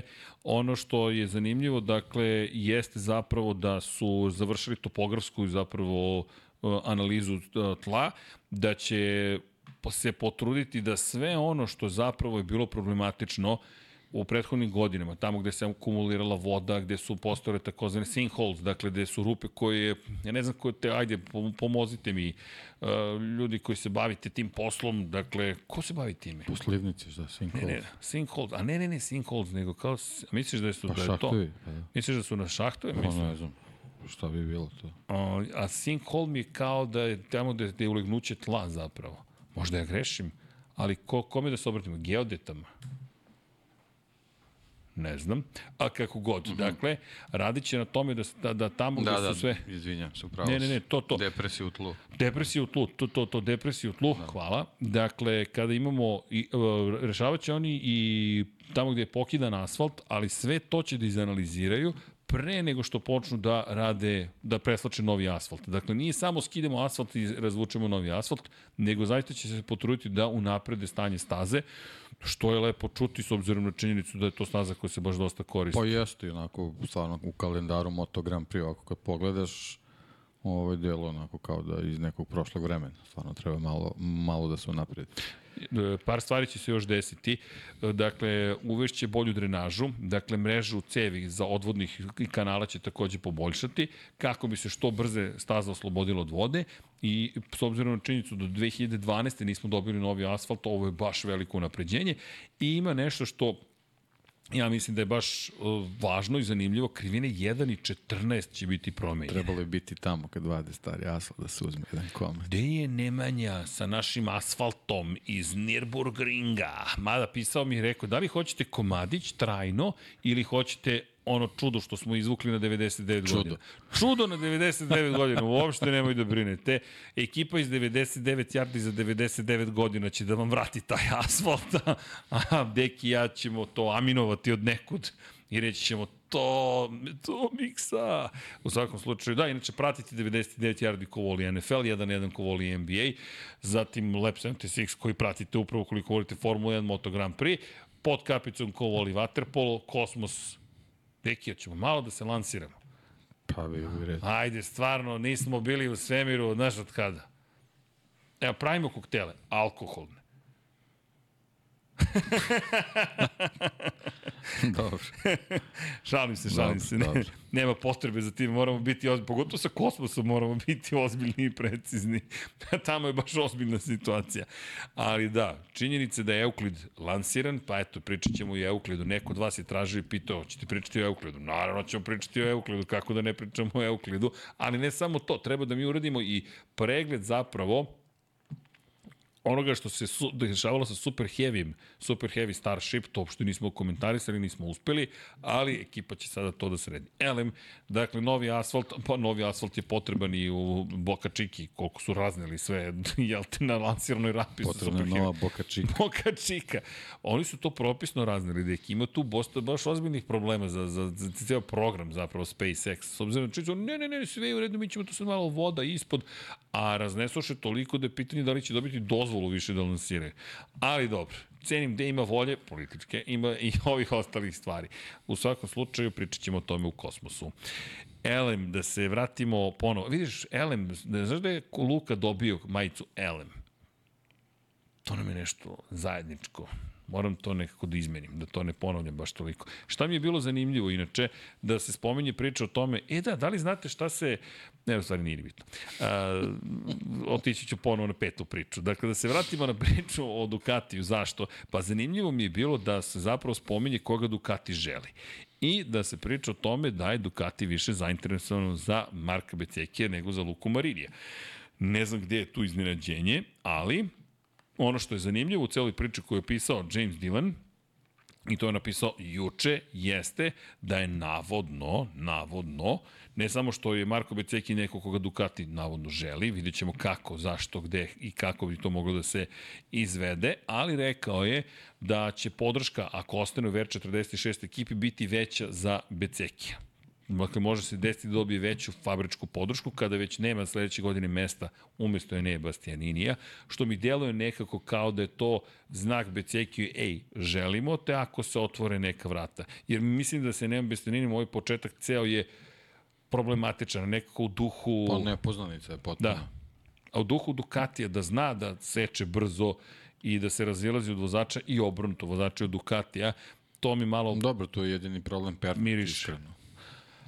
To je Fakat. ovaj, jedan onako moment sa kojim neće tako lako da, da izađu na kraj, ali ovaj, sa druge strane što se tiče samog Bastianinija, njemu u ovoj situaciji čak i odgovara ovaj, ne, ne možemo da kažemo dominacija, ali ova, ova prednost koju, koju Peko ima ovaj, i za, za Eneo bi u stvari najlepša mirna luka bila da, da Peko odbrani titulu, tako da sa, sa, takvom, sa takvom konstelacijom mislim da će njegovo mesto ostati ovaj, zacementirano za sledeću sezonu, da se u stvari vidi sa, sa željom da, da, da, da sledeća godina bude onako godina takmičarska, ne, ne ova, ova godina sa povredama, da se u stvari vidi šta, šta on može da uradi na fabričkom motociklu, u stvari kakvi su, kakvi su njegovi kapaci- kapaciteti na, na najvišem nivou. Sad što se tiče Becekija, to mi je onako malo možda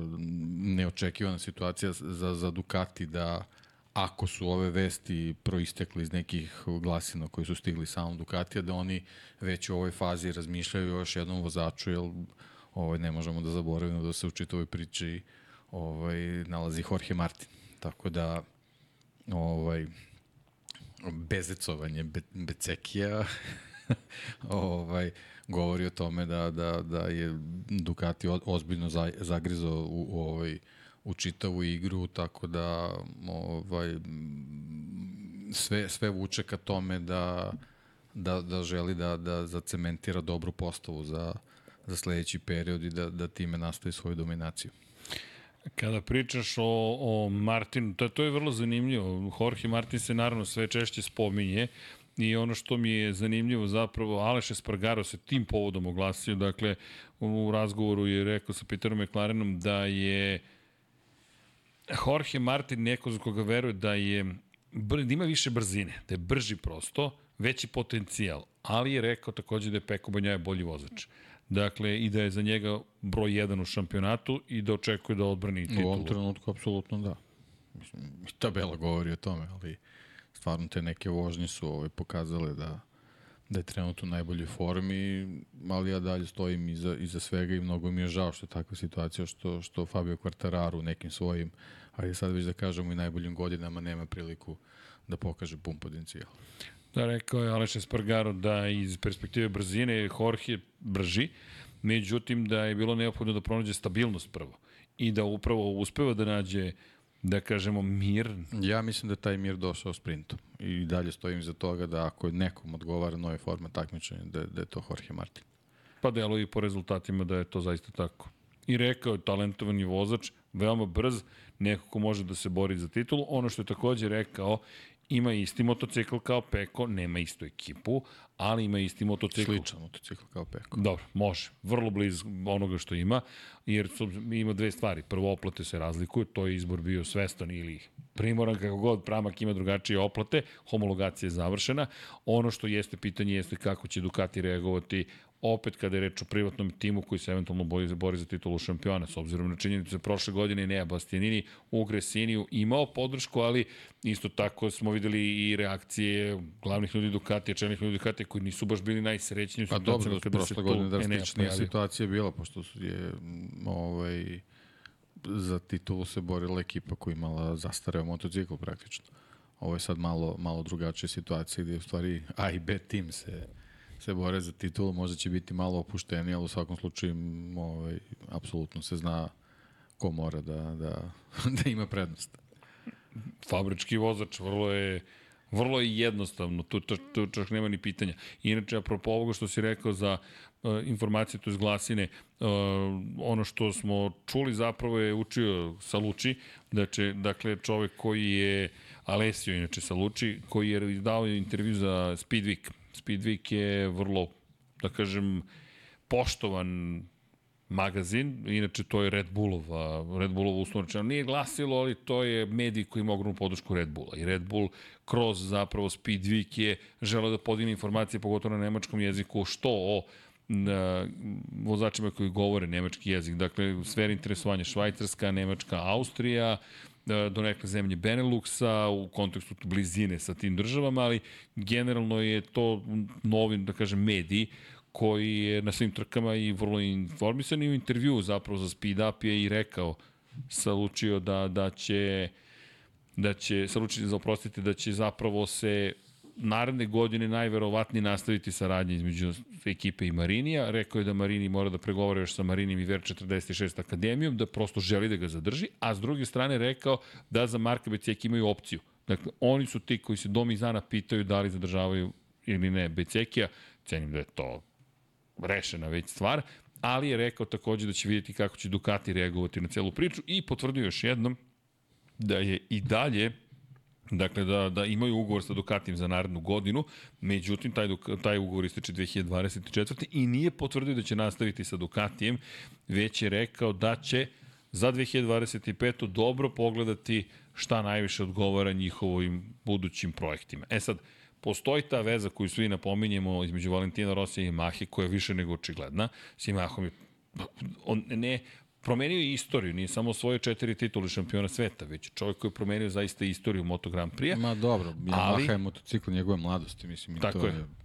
Mole to je ta veza, to je ta veza. To sad i sa tim uspesima možda toliko nije ni on je došao u Yamahu i u, u svom zenitu iz, iz tog razloga prvobitno, tako da u trenutku gdje mogu na bilo kom motociklu da, da osvoje titule, realno. I taj odnos verujemo da još uvek negde postoji u celoj priči, još je Lin Jarvis tamo, još uvek bez obzira na sve što se među vremenu događalo, ali nije niko rekao dakle, u VR46 ekipi da neće sarađivati s nekim drugim. Konačno imaju dovoljno vremena da vide kako će se Yamaha ponašati, koliko će se razvijati. Ma, imaju vremena da vide kako će Moto Grand Prix da, da se razvija pre svega. Da, lepo rečeno. Činjenica. Ovo sad trenutno nije, nije situacija da mi imamo kompletno složenu priču za neki i kratkoročni dugoročni period, tako da svi koji se, koji se bave tom pričom vezano oko Moto Grand Prix moraju stvari da vide u kom smeru će to sve da teče. Uključujući naravno Yamahu, koja takođe mora da vidi šta dalje i kako dalje. Honda Yamaha baš su velike enigme. Ne, nemam predstavu zaista šta nas tu očekuje i šta ćemo zapravo dobiti. Pogotovo kada pogledaš da oni zaista ne znaju kuda da idu. Pri čemu Yamaha koje, inače kad spomenjemo Yamahu, Carlo Pernat je izjavio da očekuje Alex Rins naredne godine da vozi za Yamahu. No dobro, Carlo Pernat je namazan, tako da... za one koji ne znaju, može da kaže. čuveni menadžer e, brojnih vozača, legendarni, možemo reći menadžer. Pritom nije Rinsom. Još. da. ali, ali da, Karlo Pernat koji je, koji je izjavio zapravo da su to njegove očekivanja, da, da, da naredne godine zapravo u Yamahi vidi prosto Aleksa Rinsa, Aleks Rins koji su još uvijek oporavljaju zaista teške povrede, ali eto, to je neka zamena pretpostavlja se za Franka Morbidelija, koji ne znamo gde će da ide. Znaš kako, mislim, on, on ne kažem ja da, da je on sad to rekao, rekao bez osnova, sigurno ima razloga kako on slaže te kockice, ali činjenice da Alex Rins trenutno nije u fabričkom, na fabričkom motociklu. A apsolutno zaslužuje to, tako da poziv od bilo koje fabrike Znači. znači. A još ako se ti dokažeš i pokažeš na motociklu koji je otpisan trenutno, hej, to može da bude mnogo, pri čemu ti si vozio redni četvorocilindraš, ti bi mogao da pomogneš Yamahi takođe u razvoju, ti si čovek koji želi upravo to da u fabričkom timu bude, dakle ti si se ove godine ponovo dokazao i samim tim, kada govorimo o, o, o logici tog poteza, postoji logika i finansijska i trkačka na sve moguće načine i za jedne i za druge, rekao bih. pošto je, I nekako taj dobar odnos sa kvartararom, da, sve, sve stoji.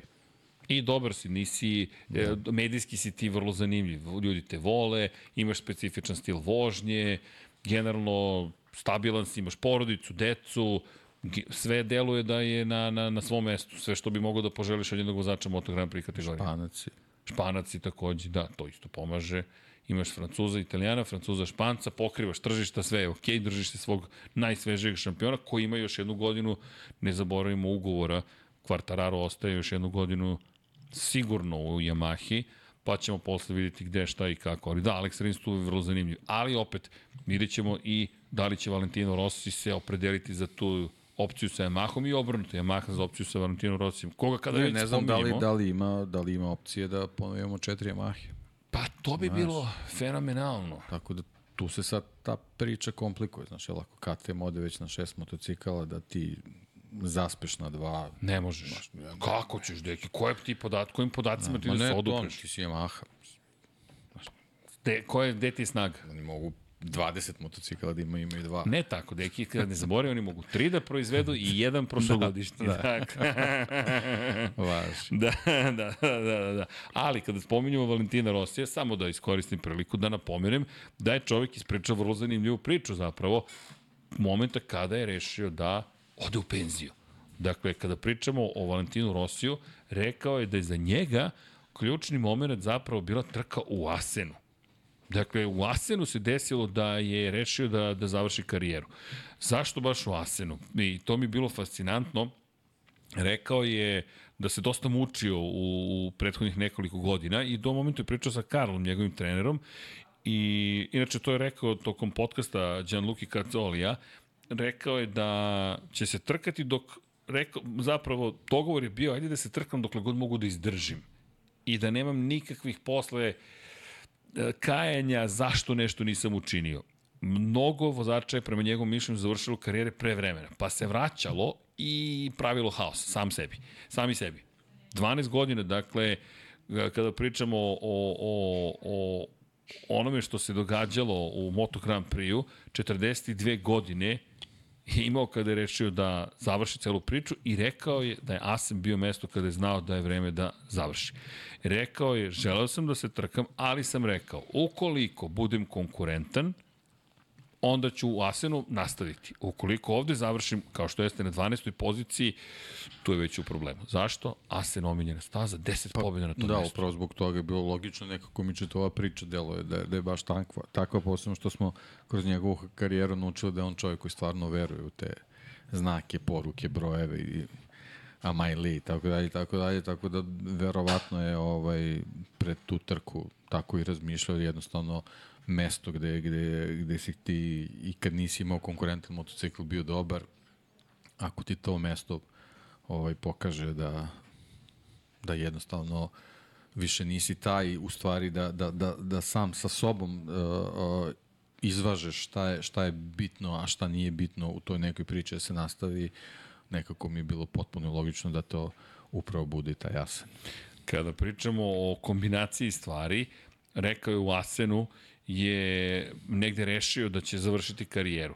Međutim, pre nego što je otišao na put, sedeo je sa svojim dragom, sa Franceskom, i rekla mu je da joj se više ne dopada kafa što je bilo čudno s obzirom na činjenicu da je uvek volela kafu i rekla je, možda ću da uradim baby test u pravnih nekoliko dana.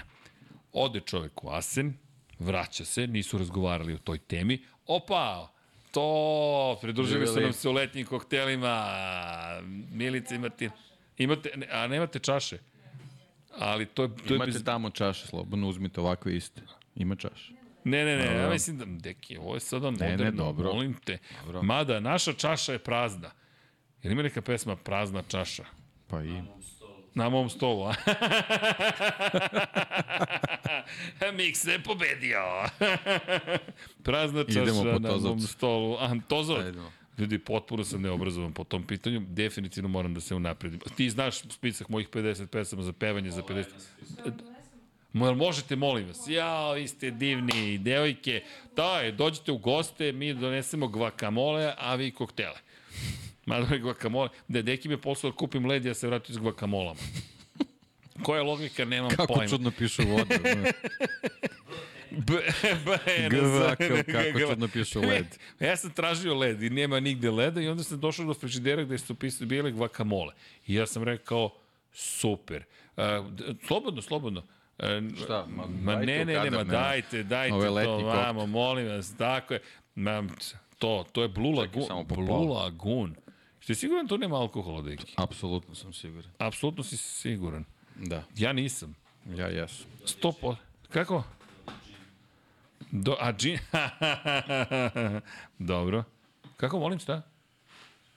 Ne, ne, ne. Ako ja imam alkohola, ne, ostavit ću auto gde god daje, pa nek me kazne. Nek me beli kazni.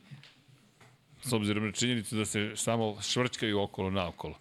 Šta je to led? O, majstor vlada, čekaj, ovo je. Čekaj, čekaj, ovako, ovako. Sad ne znam kako ćemo to da izvedemo. Pa vlada će morati da uđe u ka... A, možemo i tako, da. A, iskusno, Mahala Bounce ima na majici. Gde je tebi Lab 76 majica? N- 2100 dinara da znaš ovde. Mi ne poklanjamo majice. Šalu na stranu, ponekad se čak i to desi. Ali, Da, inače, posetite naš shop, shop.infinitylighthouse.com, kliknite like, subscribe, evo dok ja dobijem magična ruka se pojavila, jel te? Nippon Dux, kada pričamo o Japancima, već toliko ceo podcast, 4076 dinara, bukvalno naš znak, inače piše Rapu 76, Dakle, Lab 76 kao japanska zastava dukserica. Imate i druge 3576 dinara. Beli, crveni, naranđasti, plavi, zeleni. Nadam se da će biti i ostalih boja. Crne, nemam pojma gde su nestali crni, ali kod paje su svi izgleda. I naravno majice u svim mogućim bojama. Ko kupi roze, taj novac odlazi u dobrotvorne svrhe za borbu protiv raka, dojke. I kada smo kod toga, Devojke, proverite se, prekontrolišite se i to važi za sve koje pratite, kao i momci, da ne dođemo u novembar, pa samo onda da se u oktobru i novembru proveravamo, nego generalno Dakle, vodite računa jedni od drugima. Moram se da sačekam Dijena koji je nestao. Po, pogledaj, pogledaj. A, ne, najnovi izdanje. 4976 dinara. Svi rezultati od 1949. kada je održana prva trka u šampionatu sveta u motociklizmu do 2022. Izdanje za 2023. Inače, mala anegdota. Werner Hefliger nam je pos- poslao kutiju sa starim knjigama, pa smo sada morali ponovo da dobijemo knjige i tako dalje i tako bli- bliže. Elem, A imamo i Formulu 1, nova knjiga, zaovek će pisati nova knjiga u prodaji, izdanje za 2023. od 1950 do 2022. Cena 7200 dinara, objasnit ću još jednom, prije magazin je nema ISBN, pa je viši poreza i generalno je bila skuplja u nabavci, a i pogrešna je bila deklaracija na carini, pa smo sve to morali da poplaćamo, pa kad odete, kad cena je otišla u, nemo, ne, u, u nebesa. Elem, da se mi vratimo kada smo sada dobili koktele. Dakle, Francesca umeđu vremenu obavila be, baby test i u tom momentu kada se vratio iz Asena rekao još nikom nisam saopštio da idem u penziju. Valentino Rossi saznaje istoga dana da će postati tata. Kako to ide u životu? Tatice. I tu je bio kraj. Devojke, znate uopšte dakle tatice?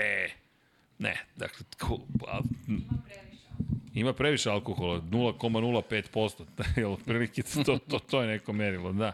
Inače, da, kuvamo, počeli smo kuvanje novog, novog piva, e, nemojte da pijete i da vozite, to će biti u 99 yardi, Huddle se zove, ili ti, kako ćemo da ga prevedemo, zagrljaj, dođite u Huddle.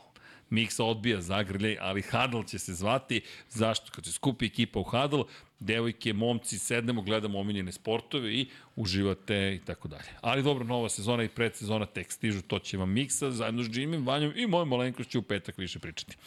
Dakle, kako to biva, odlučiš da odeš u penziju, a onda saznaš i da si tata, da ćeš biti tata. Baš lepo. Lepa priča.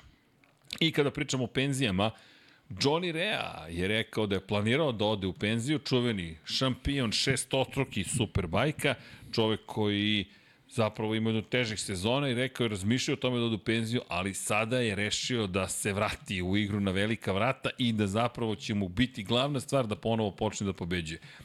Kako se ponavljaju priče, kako se ponavljaju stvari, dakle Rossi, Rea, Pa znaš, Marquez. ono, kad, si, kad si u nekoj sjajnoj seriji, a nisi baš toliko ovaj, medijski eksponiran, a sad vidiš u stvari da taj čitav šampionat onako ponovo dobio na popularnosti, a ti u stvari i nisi toliko A ti loš. dok si vladao, Da. nije toga bilo Nije toliko. to bilo toliko, da. Tako da ovaj, u snazi si, motocikl generalno nije loš, što da ne. Zašto ne bi ostao tu?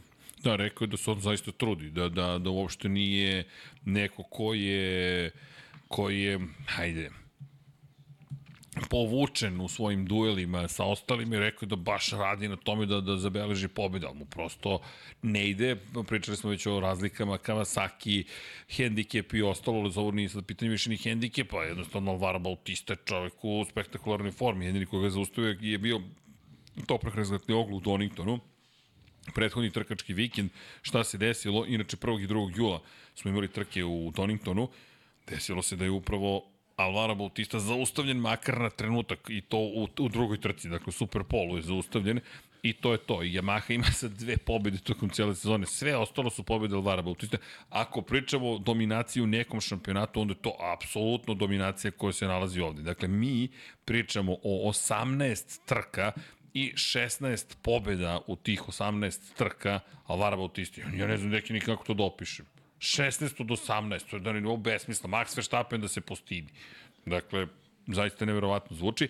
Inače, Johnny Rea nema pobjeda ove sezone. Najbolji plasman jesu nekoliko drugih pozicija, ali u Doningtonu jeste bio brz. Tako da je to vrlo zanimljivo. Pa dobro, tako valjda dolazi motivacija. To, to, to. Kod kuće si bio brz pa kažeš čekaj, možda ja mogu još. Inače, ovog trkačkog vikenda pred nama takođe imate i trkanje u Imoli, dakle velika nagrada Italije, ko voli Superbike, poziv da uživate lepa staza, opasna malo za moj ukus, ali dobro. Otidite na YouTube, malo pogledaj tu imali šta se sve dešavalo u Superbajku, pa O, vraćaš nas u prošlost. Pa kad je Tako je. letnji koktel, miks, čuvene trke, ukucajte 2002 svetski šampionat u Superbajku, topla preporuka. Devojke, ako volite trkanje, to je ludo trkanje. Texas Tornado protiv, ni manje ni više, Troja Baileysa. Honda protiv Ducati. ukucajte to, pa ukucajte Hagu, pa Da, da, da. svašta može se Ima, ukuca u ima. imali, da, da. Da, da, a ta, a ta trka Pa je Jamesa čuvena, Tozlanda, pa svašta može se ukuca u imali. ali to je dvocilindrična Honda protiv dvocilindričnog Ducati. 2002, da, 2002. da, da. Baš.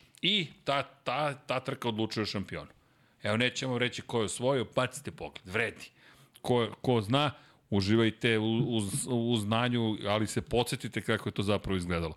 E, inače, E, Da vidimo šta, šta, šta za Srke koktel od apsinta, nema alkohola puno. A, k- kaže, kad jednog dana Srki ode na MotoGP, pa ono prenose samo Junkija, PK nema na startu trke. I Hadl, ne, Hadl, Hadl će imati, ne znam tačno koliko alkohola, ali neće biti, neće tako. Kako? 5,6, eto, 5,6 će biti Hadl. A, nije 9,9 ko Sek. Ali Sek se vraća na, na zimu, da znate. Dakle, sad ćemo imati serijale sa dogmom. S tim što pokušavaju nešto da izvedu eksperimentalno iz Lab 76. Držite palčeve, udrite like za dogmu. E, kaže... palčeve, da. E da, zašto se radi ovo ako govorimo držite palčeve? Pa ovo je fingers cross, a ovo je, Aha. ovo je držite palče. Aha, to ovako. Držimo palče. Dobro, okej. Okay. No, što sam zaboravio. A, da. Ne, ka- A moraš od ozdo. Ti ulazi u sistem, a? Sad, a to je u raznim ljudima. Da. Inače, Srki, predlog da Reels t- titl bude engleski, da svet vidi ko nama stručno objašnja F1 i MotoGP, da kontaktiraš YouTube menadžera, da vam bezbedi nekog da titluje podcaste na engleski. Huh, titlovanje na engleski, probali smo, poslali smo profesionalnim prevodiocima, vratili su nam i rekli mi ne možemo ovo da prevodimo, pošto vi toliko pričate i toliko uskačete jedni drugima u reč, da mi ovo ne možemo da ispratimo i nemate pauzu, nadovezujete se, dakle, bukvalno dok ni ne udahnete, tako da su odustali od naše želje da prevodimo, a i da ne govorim da, pošto svaki podcast traje oko 3 sata, kad su nam poslali cenu za jedan podcast, mi smo rekli, pa, znate kako, treba nam još jedno... Samo Ben Hur traje duže od nas. 700 Patreona nam treba još otprilike da bismo platili prevodioca. E da, hvala svima za podršku. Patreon.com kroz Infinity Lighthouse. Zaista od srca vam se zahvaljujem jer nam zaista pomažete da pravimo sve ovo što pravimo, a pravimo sve više stvari. Kao što vidite, ekipa se povećava i sve je zabavnije i zabavnije. Miksa se ošišao, tako da znate i to. Mada se on redovno čovjek šiša, to je kult frizure, dakle vodi računa. Za razliku od nekih, ne brinite, moj frizer je samo na trajnom odmoru, ništa drugo, a ja ne volim da menjam frizere. Šalim se, pozdrav za frizerku Maru, eno je tamo i, pita, i svaki put kad dođem kaže pa ponovo. Svaki put, pa kaže, ajde dolazi na dve, tri nedelje, stvarno nema smisla. ja kažem, gospođo, sve je to u redu. Ali dobro. Elem, e, Johnny Rea, to smo pričali. Dakle, penzija, pa smo rekli Huddle, pa smo najavili ne znam nija šta već. Međutim, šta smo zaboravili? E, zaboravili. Nije moći da smo nešto zaboravili. Kad smo se pripremali, deki, Vrati se na thumbnail pa pogledaj. šta sam zaboravio? Na thumbnail. Šta je na thumbnail? Pa vidi, ne znam. Ne, pa priče, pitanja, pitanja, imate neka pitanja, join and subscribe, kliknite. Ej, čekaj, ljudi, stotog svetioničara smo dobili ove nedelje. Aruba, Bahama, on, baby mama. Pa kad su kokteli, kad je već leto, da, da zapevamo. Ej, hvala na tome, 100 svetioničara. Ej, čoveče, čak je YouTube izbacio control panelu, imate stotog svetioničara, rekao, tako je, stoti svetioničar, tako da hvala na tome, ali zaista hvala, mnogo je lep osjećaj, tako da, eto, svaka podrška znači, ali lepo je to ako kad nešto vidite pa kažete, wow, dešava se, nešto, nešto mnogo lepo, čekaj da vidim, Uh, jesi primetio kako, kako gledam? Čekaj da vidim. I onda odavde. Devojke, to kratkovidost, to to, kad to dođe, znajte da ste u našim godinama. Ali to vas do 30 godina tek čeka tako da lagano. E, u svakom slučaju, da evo, stoti član se pridružio. I kaže, there's no stopping you now. Pop into the memberships tab to see who joined. Pozdrav svima koji su se kako ovaj YouTube ne zna. E, imali smo YouTube menadžera, ali ozbiljno, i onda nam je on davo savjet i mu kažemo, ali ti gledaš, Juri, šta mi radimo? I onda je pogledao i rekao, čekaj, vi čitate imena svih članova, da i svih patrona, da, kaže, ovo još nisam video, rekao, naravno da nisi video, ali zato si sada subscriber na Infinity Lighthouse, jer mi to ovde radimo. I onda je rekao, onda pita svaki put kad imamo sastanak, da li ti odgovara da, da snimamo naš sastanak? Mene to pitaš. Pa naravno da mi odgovara, slobodno je disclaimer pušta i svima, tako da eto, vaši savjeti, sve što ste nama pomogli, otišlo negde u svet. Elem, da se mi vratimo opet thumbnailu, ne znam deki šta sam propustio da spomenem, ali ajmo na pitanja, pa da vidimo da li smo još neku temu zapostavili, zaboravili, udrite. Podcast još 5 minuta. Ko ovo piše? A to je Miksa. Miksa još 5 minuta na Infinity Lighthouse. A šta, šta, šta? A ti si. Miksa smešao Srki Deki pet koktela u jedan. Bo, hoćemo li da tužimo Srkija kod Dekija za sinoć stop nasilju? Ne znam šta sam uradio sinoć. Uh, jel pratite MXGP? Jao, ne stižemo iskreno. Iskreno, stvarno ne stižemo. Uh, imam pitanje zašto Boško Zvečić juče u F1 podcastu nije bilo Q&A sekcije. Bilo je kasno, ništa drugo. Nije postojalo neki razlog da ne bude Q&A, ali smo imali... Tri, majstori su nam jutros dolazili u 8, čisto da znate, a završ, mi smo završili malo posle ponoći, pa onda dok se sve sredi, dok, se, dok vladu prebacimo kući, pošto kad imate kolan da ne ostavljate drugare bez prevoza, ne možete da kažete idi na noćni autobus ili na taksi, ne, onda sednete, odvezete ljude kući. Dakle, to je naše staro pravilo, kada sam bio mali, i stopirao po u pola noći, jer tada je noćni prevoz završavao u 2.10, pa ako propustiš taj u 2.10, to je čao do 4.50 otprilike, dakle 2,5 sata. Onda kreneš peški kroz Beograd i stopiraš. I onda sam rekao, kad budem imao kola, ima da vozim svakoga svugdje. I ne ono do pola. Ja, da li mogu da te odvezem, a staću ti jedno 500 metara od kuće. Pa možeš, ali ne razumem šta je problem još 500 metara da odvezeš nekoga. I onda smo prebacili vladu, pa dok smo se vratili, onda jutro trebalo otvoriti u 8 ujutru, kažem majstorima.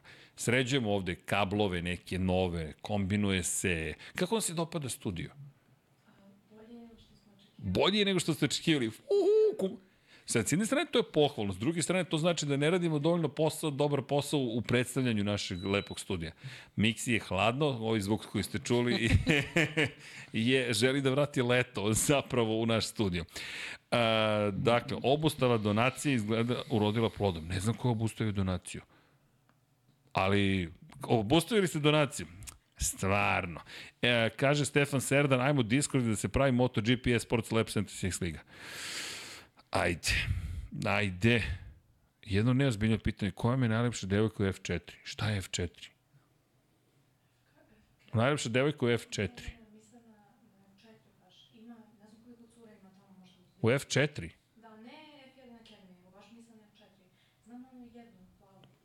Devojka u F4, ne znam, u ko, šta F, pomozite nam. Ušao sam malo da šta ima novu Ducati kupu, je li ima, je li normalno ukinula sam motora? E, Muk, Alex, sad smo mi sve pričali, ih. Uh, a, Gajser je dominirao u MXGP-u i njega zeznula povreda. Tore 4. E, nismo stigli da ispratimo, ali trebalo bi. Aha, ženski šampionat F4, zar to nije fo- F1 Akademija? Akademija, ili kako se već zove, da. Ne, ne, F1 Academy, to je nešto drugo. Oni koriste uh, zapravo bolide F4, ali je to F1 Academy. Ako na to mislite. Pa pratimo koliko stignemo. Sad je bilo za vikend uh, paralelno sa Formula 1 u Monci se vozila trka. Bio baš uružen incident na početku Da, bio trke. neki požar, tako već? Bilo je svašta, baš okrenuli su se.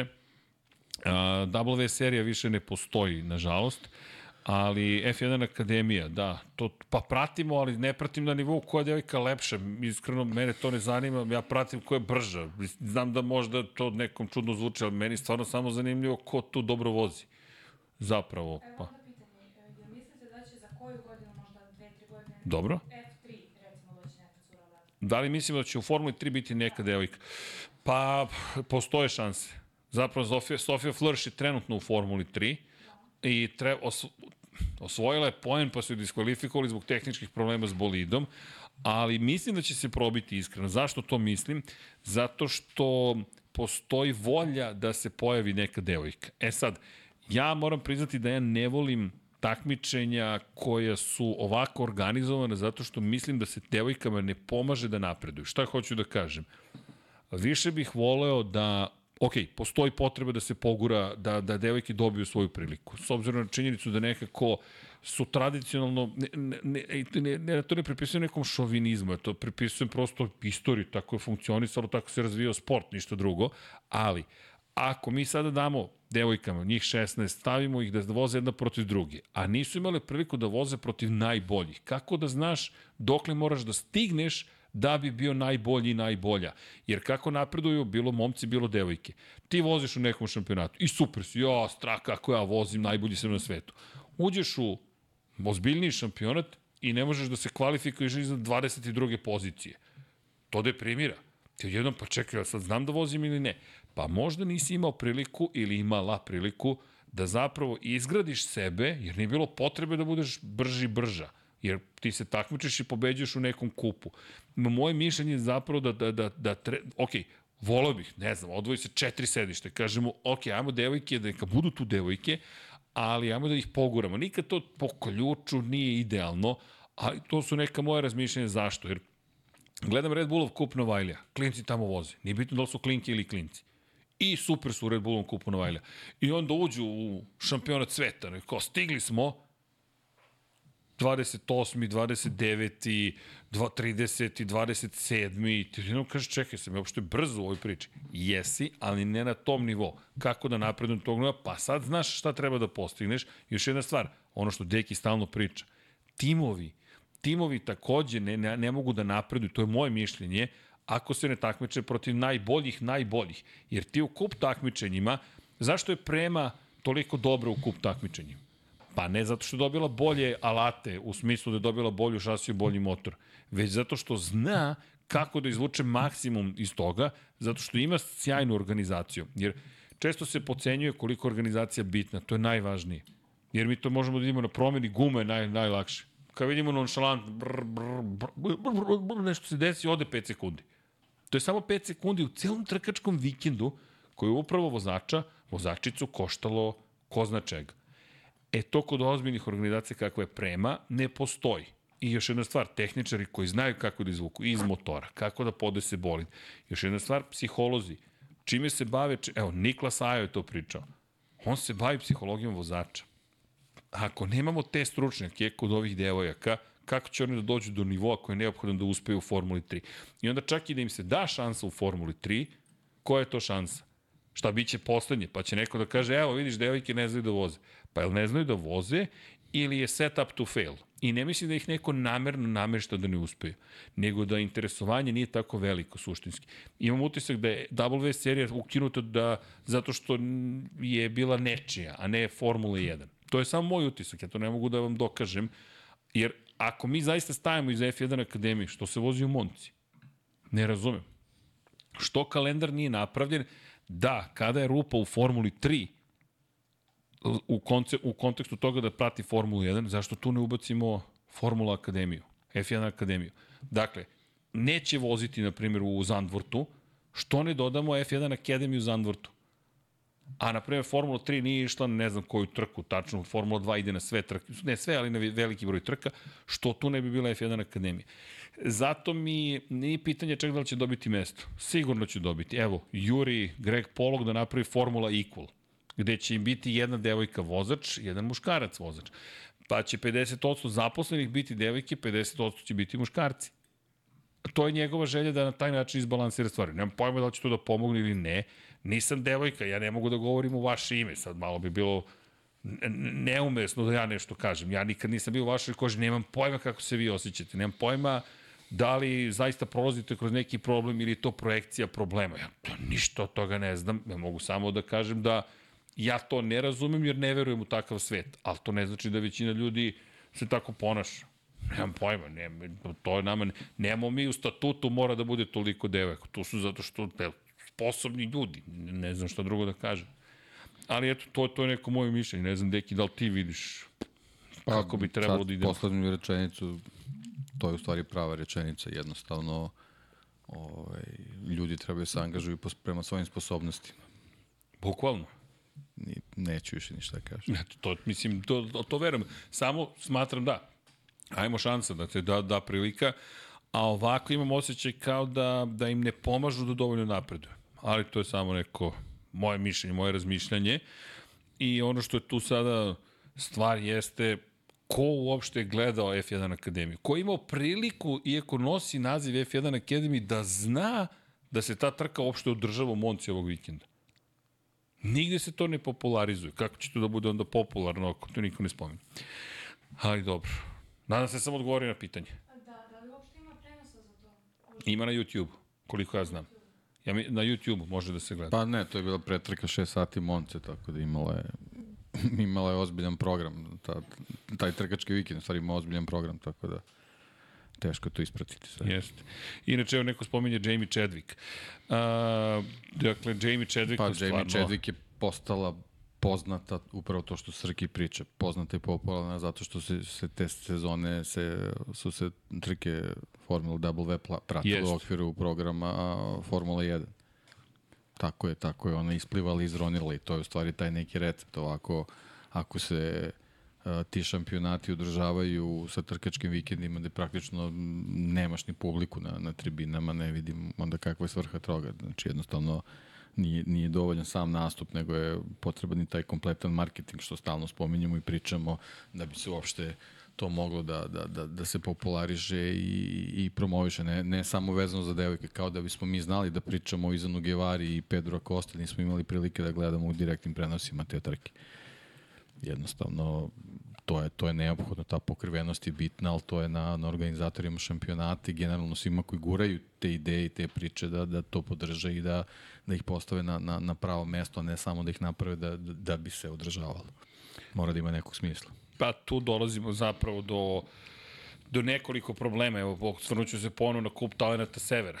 Kup talenata Severa koji promoviše Dorna, kao takmičenje koje treba da pomogne momcima i devojkama sa ovih prostora, da učestvuju u takmičenju gde će biti na korak od Red Bullovog kupa Novajlija, pa Junior Grand Prix, pa Moto, Moto3 šampionata sveta. Odite na sajt, nema ničega. Što neko reče, kaže, jedino da pratiš na društvenim mrežama otprilike šta se dešava, ali evo, mi sad treba da ispratimo Formulu 1, Formulu 2, Formulu 3, Porsche Supercup, Moto Grand Prix, Moto 2, Moto 3, Moto E i onda u sve to Red Bullov kup Novajlija, Junior GP i da kažemo, ajde da iskomentarišemo sada kup talenata Azije i kup talenata Severa. I onda dođeš i kažeš, čekaj, koliko uopšte imena imaš u glavi za početak? I onda dođeš, uh, ajmo da ispratimo komponente severa, nemaš informaciju o tome šta se desilo na prethodnim trkama. Ti sad hoćeš da uskočiš u neku priču, toga nema. A onda pride u svu najbolju volju, gde emitovati te trke? U kom trenutku, gde naći prostora za to. Tako da tu sad postoje, postoji više nekih more izazova, što kažu, mogu da se rešavaju, svi zajedno moraju da rade na tome. A što se tiče Jamie Chadwick, ona je u Indie NXT seriji ove godine, ona vozi za Andretti i ja koliko znam, je, jednom je bila među vodećih deset. Dakle, ona tek devojka uči šta kako treba da učini. Čekaj da vidim gde nam je Jamie Chadwick i šta se zbiva kod nje. Indie NXT, ako se ne varam, samo sekund da bacim pogled, dakle, mm, mm, mm, mm, mm, mm. to su, da, evo ga Indie NXT, inače za oni koji ne znaju, NXT je zapravo light serija, nekad se to zvalo Indie Light, bukvalno se zvalo Indie Light, ali se sada zove Indie NXT zapravo, i to je stanica, to je jedan korak od Indikara. E sad, Jamie ovde je u nekim ozbiljnim bolidima, sa ozbiljnom konkurencijom, ukoliko se tu probije dalje, ukoliko se ona probije dalje u IndyCar, možda će negde bočno, što kažu, doći do toga da se pojavi u Formuli 1. IndyCar je mnogo ozbiljan šampionat i ja joj držim palče. Jeftiniji svakako i tu postoji veća šansa da će se nešto pozitivno desiti. E sad, Jamie naravno mora i takođe da izgradi da izgradi reputaciju brzog vozača, prosto da pokaže da ona zaslužuje da bude tu, tu gde jeste. Jamie, ja kažem, ne znam tačno šta je sve postigla, nije postigla, ali da, evo, top 10, eto, da, bila je top 10 baš mid Ohio, evo, početkom, početkom jula, to je to. I nastavlja se ta borba, pa eto, bit će zanimljivo vidjeti šta može da učini. A, nova tema, otvorila se sa svih strana. E, dobro. E, idemo dalje. E, I ove sezone biti kota kada bude... E, biće sledeće sezone F1 Academy na F1 Vikenda, mislim da to je bilo reče da F1 kasno uspostavljeno, te nije bilo Hrvoje, kaže dogovoreno sa organizatorima utrka kod sastavljanja kalendara. Hvala Hrvoje, iskreno se nadam da, da će se to desiti, jer nam je zaista to potrebno da bi nešto se nešto pozitivno zaista desilo. Inače, da odgovorim na pitanje šta je ispod znaka Toyota Gazoo Racinga, pa možemo ponosno da kažemo da smo pre tri godine prenosili zapravo spuštanje rovera Perseverance, istrajnost na Mars 2020. godine i da smo imali jedina zapravo, ja ne znam šta smo mi, televizija, kanal, ekipa, zahvaljujući ovom gospodinu, dakle, koji tad nije pio koktele, ali kao da jeste, imali smo gradonačelnicu Gradića jezero. Za one koji ne znaju, Perseverance rover na Marsu Nasin, ne samo Nasin, ali pre svega vođa projekta jeste NASA, je se, je se spustio u krater koji se zove jezero. Dakle, nismo ga preveri, nije lake. Naziv na engleskom, na svakom svetskom jeziku je jezero, jezero, J-E-Z-E-R-O. Zašto? NASA ima u okviru svojih brojnih inicijativa, inicijativu da popularizuje manja mesta po planeti Zemlji. S obzirom na činjenicu da je krater u koji se Perseverance spustio antičko jezero, tamo više nema vode na Marsu, to je bilo nekada, onda su odlučili da ga nazovu jezero, po gradiću koji se nalazi u Bosni i Hercegovini i mi smo jedina ekipa, bravo Deki, koja je imala te večeri razgovor sa gradonačelnicom zapravo, dok smo pratili uživo spuštanje na Mars. Tako da, ponosni smo na to, Deki drži i dalje zvaničnu nalepnicu Mars Perseverance rovera. Pozdrav za Ivana Toškova, pogledajte Refraktor, ekipu Refraktor, dakle ekipa koja takođe pratite kako kosmička istraživanja. Ivan koji se potrudio oko tih nalepnica zaista da budu najprofesionalnije. NASA to daje slobodno, napravite nalepnicu. E, mi smo smatrali da mi Ovde vidite ostatke gde je stajala ta nalepnica kod mene, ne znam se vidi, to je trougao, jel te? Antički ostaci. Antički ostaci. nalepnice koja mora da ustupi mesto nekim komercijalnim nalepnicama, ali deki naučnik kakav jeste, jel te, kako prevreš očima, to mi je omiljeno, dakle je zadržao Mars Perseverance. I mogli bismo da posetimo jezero. Ja mislim da to skroz u redu, šta ti kažeš? Uh, pitanje za Deki, ali pratio ikada Moto 24 časa Le Mani, na koji način se vozi jedan bajk i više vozača ili više bajkova u jednom timu? Pa, Nije, imate više vozača. Pa da, 24 sata Le Mana je kao i, i automobilska trka trenutno, ne trenutno, već decenijama unazad deo svetskog endurance šampionata i uz 24 sata Le Mana tu ima još i 24 sata Bol d'Or trka, takođe se vozi u Francuskoj na različitim stazama, ovaj, ali i 8 sati Suzuki, recimo u okviru toga. Ima tu nekoliko ovaj, izuzetnih, izuzetnih trka. Ovaj, mislim, Sose Šleben vozi u šampionatu.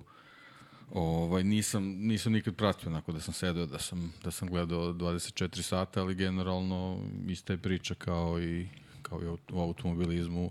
Više motociklista se menjaju na jednom motociklu. Da, inače, Martin Vugrinec je skoro vozio prvu da. svoju 24-časovnu trku.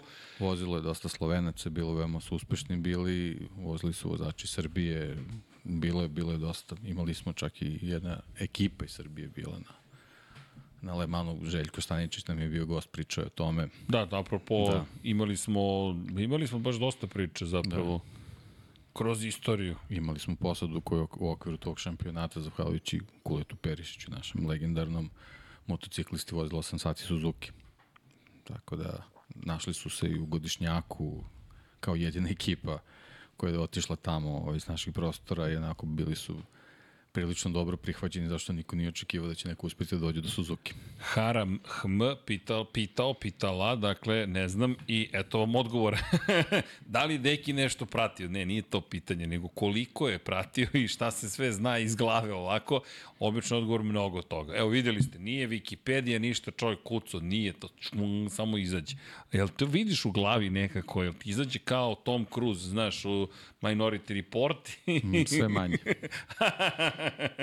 Ali dobro. Inače, Future Graciano Rossi je donirao 7,60 eura. Hvala. 7,6. Dakle, Future... Može objašnjenje Future Graciano Rossi? Šta je to zapravo šta je, šta je, šta je to Future Graciano Rossi? Veruje u svog potomka. To, to, to, to, to, to, to, to, i meni tako zvuči, dakle. E da, Boris Trutin, za malo da, da, da, da pogrešim, Ljudi, uveli smo sinoć dan Formule 1 i proglasili smo ga 9. september. Zašto? Zato što, pozivam vi sve ovde okupljene, zapravo će to biti dan e, Formule 1 i Moto Grand Prix, pošto se okuplja ekipa. 300 to ne izdanje Lab 76, zašto? Jer nećemo snimati podcast, nego samo dođite u Dogma, mada još nisam obvestio Fašketa, Dogma je za sada, ja se to dogovorio sam sa sobom da je to 9. septembra, ali Ali, ali, ali dobro. Ni, nije ti lako, ali čak, čak nisam konzumirao nikakve koktele. Ali ja sam se dogovorio sam sa sobom da ćemo mi to dogmi da proslavimo. 300 to izdanje Lepsice. Faš, flaške, ako slušaš, molim te, flaške nam je sad u Portugalu. Dakle, zabavlja se, elem, ali poenta jeste da ćemo se okupiti u dogmi, zato što je to subota, mnogo ljudi koji ne živi u Beogradu reklo, pa dobro ljudi, nekako da stignemo radnim danima. I onda sam rekao, ok, pa je rekao, ok, Deki je rekao, naravno, i samim tim, 9. september, a meni je sinoć u nekom mom raspoloženju palo na pamet, zašto ne bismo izmislili dan Formule 1? I shodno tome izmislili smo da će to biti 9. september. Hvala Borise Promašili smo datum, 10. se voze trke, ali tog će biti velika nagrada San Marino i Rimini, čiji smo poster videli malo pre. Dakle, tog vikenda se sve dešava. To je sprint u Mizanu, Dakle, stiže Honda dva dana kasnije, Marka Markeza, mi imamo okupljanje u, pretpostavljam, Dogmi, to će biti i prvi vikend NFL-a, je li tako, Miksa? Prvi vikend NFL-a, dakle, sve se dešava, nema Formula 1, pa je malkice opuštenije i eto, poziv svima da nam se pridružite. Ništa ne morate da radite, ništa ne morate da nosite osim naših majica. Šalim se, naravno, ne morate ništa. Samo dođite da se družimo, ali poenta jeste zapravo samo da se družimo, ništa drugo. Nećemo snimati, zato što prošli put kad smo pokušali da snimamo, mada sad znamo koje mikrofone da koristimo, i, ali nećemo to sad pokušavati. Poenta je da se družimo malo i da bude zabavno i tako dalje. Eto, Tako da dan Formula 1, nezvanični smo uveli još Stefano Dominikali da čuje za to. Inače, kaže Tole 42, Pikeras izdominirao ove sezone. Pikeras je ozbiljno izdominirao u Junior Grand Prix je fantastičan, u Red Bull kupu Novajle je već osvojio titulu, to je već završeno. Četiri trke pre kraja. 100 pojena još ima da se osvojanje to dečko sve je završio i ono što je fascinantno, bio je svestan šta treba da učini da bi završio posao. I to ono što me oduševilo. On je momak rekao, danas se rešava, ne, rekao je kada je završio trku u subotu, sutra se rešava pitanje da se neke stvari dese. Eto, tako da znam. To je da se osveti to. Kaže, bode, bolje u nedelju nema smisla u subotu. Ko? E, Što? A, pa ne, ne, ne, u subotu da bismo, da bi mogli, obično ta zabava potraje, pa u nedelju prosto da vam bude lakše, da ne bude sutradan radni dan, zato to tako organizujem. A, da li mislite da će samo Acosta iz Moto2 u GP po meni jedino on koji treba da dođe i možda Toni u Gresini? Pa, dali ste odgovor. To su... Mm. Ja tipujem na Dixon. A, da, da, da, da, Dixona. Al de, a gde deki? Yamaha. Naći ćemo mesto. Ja mi ti si ga smestio u Yamahu. Nisam ga nigde smestio. Da nisi rekao Yamaha prošlog puta? Mm, Ne znam, možda i jesam. Ja mislim Moram da, da poslušam. ja mislim da si ti izgovorio još pre x nedelja da ga vidiš u Yamahi. Ubeđen sam. Pazi, 100% sam siguran mi se mnogo dopala Svašta ideja. ja zaboravljam, tako da moram da ti verujem. Ljudi, ajde neko iz četa nek pomogne. Jel Deki rekao da će biti Dixon u Yamahi. Molim vas, ko se seća? Ko se seća? Mm. Bolje, ne, e, zna se ko će pobediti. Možda Ronaldo zna nešto što mi ne znamo apropo Markeza. Ronaldo ili Nadal. Nadal? Čekajte, sad, sad je, je, je, li Ronaldo Nadal, nešto Nadal. izbacio? Nadal je izbacio. Master ima, Nadal je izbacio da mu želi uspeh u, Novim u novim izazovima. Šta god to značilo? Dobro. Ajde, vidit ćemo. E, e, Dixon jedino je maho, ali koga da izbaci iz klase za izbacivanje jedino Diđa. Pa, Diđa će vratno stupiti mesto Morbideliju. To je neko moje razmišljanje. Da će povući vezu Valentino Rossi, svakako da ostane. Drugo, nema ne potrebe da povlači vezu. Ja mislim da Franki još ima šta da kaže. Zamislite na Ducatiju Franka Morbidelija. Ja mislim da bi to vredalo vidjeti kako funkcioniše. To je samo moje mišljenje, naravno. Ima još nekih pitanja, udrite, tu smo, raspoloženi smo kao što vidite. A, aj da, i postavilo se pitanje ko bi mogao da zameni Aleksa Rinsa u Lučiće Kinelo Racingu i kada pričamo o tome, zaista ne znamo ko bi mogao da, da ga zameni ukoliko zaista ode u Yamahu naredne godine. Dixon. Eto, Dixon ili... Čekaj, Jesi rekao da je Castrol na Goodwoodu? jesam. Ko je vozio Castrol? Ko je vozio Castrol? Karl Kračlov. Karl Kračlo je vozio, da. Misliš Karl da se... Ne, Ne, a, Dixon, veza, britanska Britanija. veza. A, bravo, bravo, bravo. Da, deki, spojio si lepo priču. Može, zašto da ne? Može, to, Ako je je, to. ako, bila- je, ako Rin stvarno ide u. Pa dobro, sad, ne znamo, ali, ali to se, ajde, to... Ali to je taj trogao začarani. Hmm. Diđa, Morbidelli, Rins, Dixon. Opa, jel vidiš kako se sve spojilo? A, da. I onda Pedro stiže, ali ajde ovako, šta ako Marquez potpiše za KTM? Ko će onda u Hondu? Hajde, Honda dolazi u Hondu. Ko će da bude sa Mirom u Hondu? Svi spuštaju glave, ni- niko neće.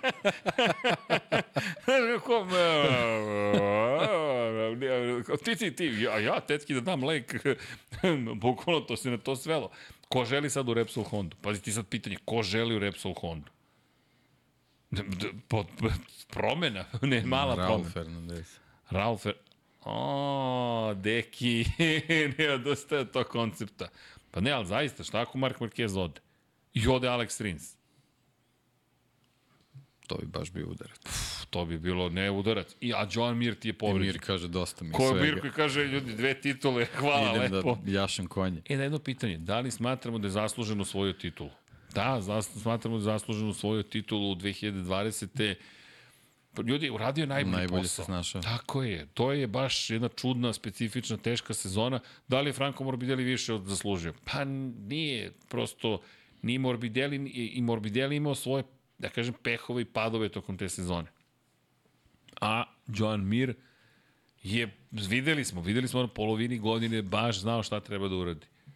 Čujte zasluga. Zašto mu ne bi pripala zasluga? U krajnjem slučaju, zato što je bio najpametniji i prokljuvio kako treba da se vozi te godine. Nisu svi heroji... Kako generalno treba se vozi u modernom Grand Prix. tako je. Moto I nisu svi Mislim, heroji- nije on to zbog budućnosti, nego jednostavno ta sezona je bila takva. Promeniše mi kadar da ih ne brukam.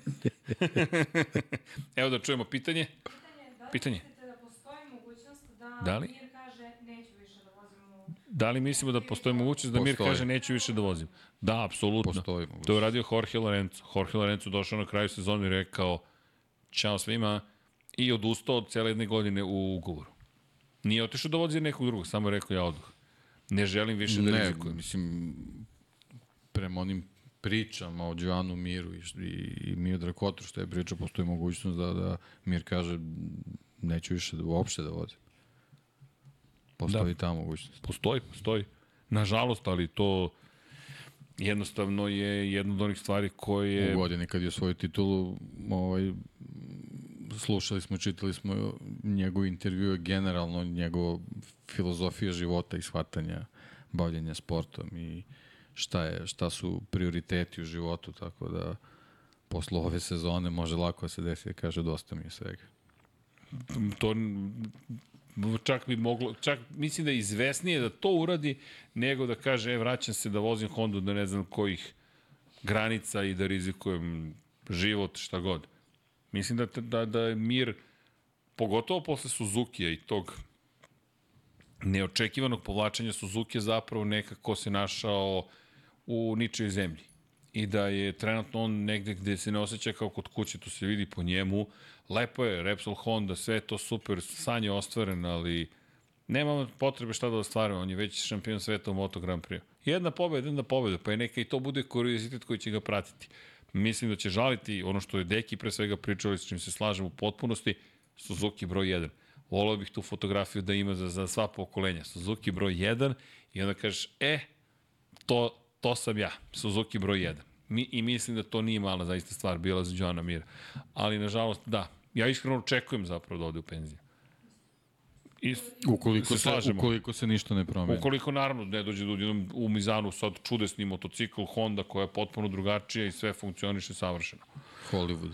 Pa vidi, kad je McLaren došao do toga da u roku dve trke neke stvari Nije to promene. isto. Nije to isto. Lagani osmeh hladnokrvnog Dejana Potkonjaka i nije isto, slažem se. Ali dobro. Volao bih. Ovde, ovde ne postoji prilika da, da nešto sad uredi. Da, ne, da, baš je zaključano sve. Tamo još postoji. E da nismo prokomentarisali, da se to desilo pre dve nedelje, smo komentarisali Pirelli što je dobio ugovore za Moto2 i Moto3. Od sledeće godine Pirelli preuzima ugovore od... Da, mislim da Dunlopa. nismo, nismo pričali. Mislim da nismo pričali smo zapravo, pa je i ja više smo pričali zapravo u for, kontekstu Formule 1.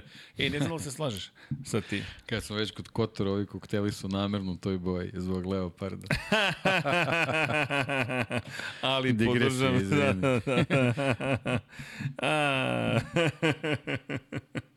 Mm. Ne se ne srčeš na mikrofon. Evo ovako. ne da mi... Ne, Pa ti si žvakao ko, komentar. Kaže, kaže šta kaže, nema onog zvuka s... Pa to je Boris Trutin, da, to, to je, je naš Trutin, da, penzioner. da, da. Daj, Boris će da prokomentariše sve, šta ti je? Hoćeš da ti sredimo u free shopu nešto, da, da, da, da, da, da ti se desi. Ele, e, kada govorimo, čekaj, čekaj, pozdrav, pozdrav, aj, šta se dešava sa Čelestinom Vijetim? Adi Čelebić, uf, to je baš teška tema. Čelestino nije pust, pušten, ali VR46 nema gde da ga pogura više. S obzirom na činjenicu da je sledeće mesto jedino motogar. E, ali deki, smo ti, smo ti i ja to juče pričali. Ko je pričao o italijanima? Aj pogledamo malo italijane. U Moto3 i Moto2 Koji su italijani ti koji dolaze? Imamo Toni Arbolina i Pa dobro, dosta je. Ja sad ne znam, ti bi, ti bi armiju sa šestorica. Pa vidi, pa pogledaj Špance. Pa dobro, To je hiperproizvodnja, idu hiperinflacija. u svoj šampionat. Njihovi da. su sponzori. Sa, Znaš, ali, ali kada vidiš pogledaš... kako je bi- bilo sa Vijetijem u- kad je, kad je samo malo budžet zaškripao kako, kako je ovaj kako je moralo da se prebaci na jednu stranu. E, inače, pitanje, izvini, kaže za Tardocija. Znali ste šta je sa Tardocijem? Tardoci je polomio nogu zapravo, imao je pac... Počastio nas je sa onom fotografijom Da, da, da, da. čapice svoje i od tad ga nema. Ne, pa da, imao je mm, i u Muđelu, sada na, u, Italiji se pojavio, bio takođe sa Longetom, ali ne pojavljuje se u garaži, s obzirom na činjenicu da je povređen, ne, mislim da nema ni potrebe da bude, ali očekujemo ga u Velikoj Britaniji da bude ponovo na stazi. bi se zaboravio, verovatno bi padao na koleno i samo bi skomplikovao Vrlo situaciju. verovatno, vrlo verovatno. E, Tako, verovatno ga vežu za krevet da gleda trku. E, da li Tito Rabat vozač koji je promenio najviše ekipa? Pa sad, da stigao je Moto E, Tito je bio u raznim ekipama, ali nisam siguran da li je najviše baš promenio. To je dobro pitanje, ne znam. S, e, ne znam.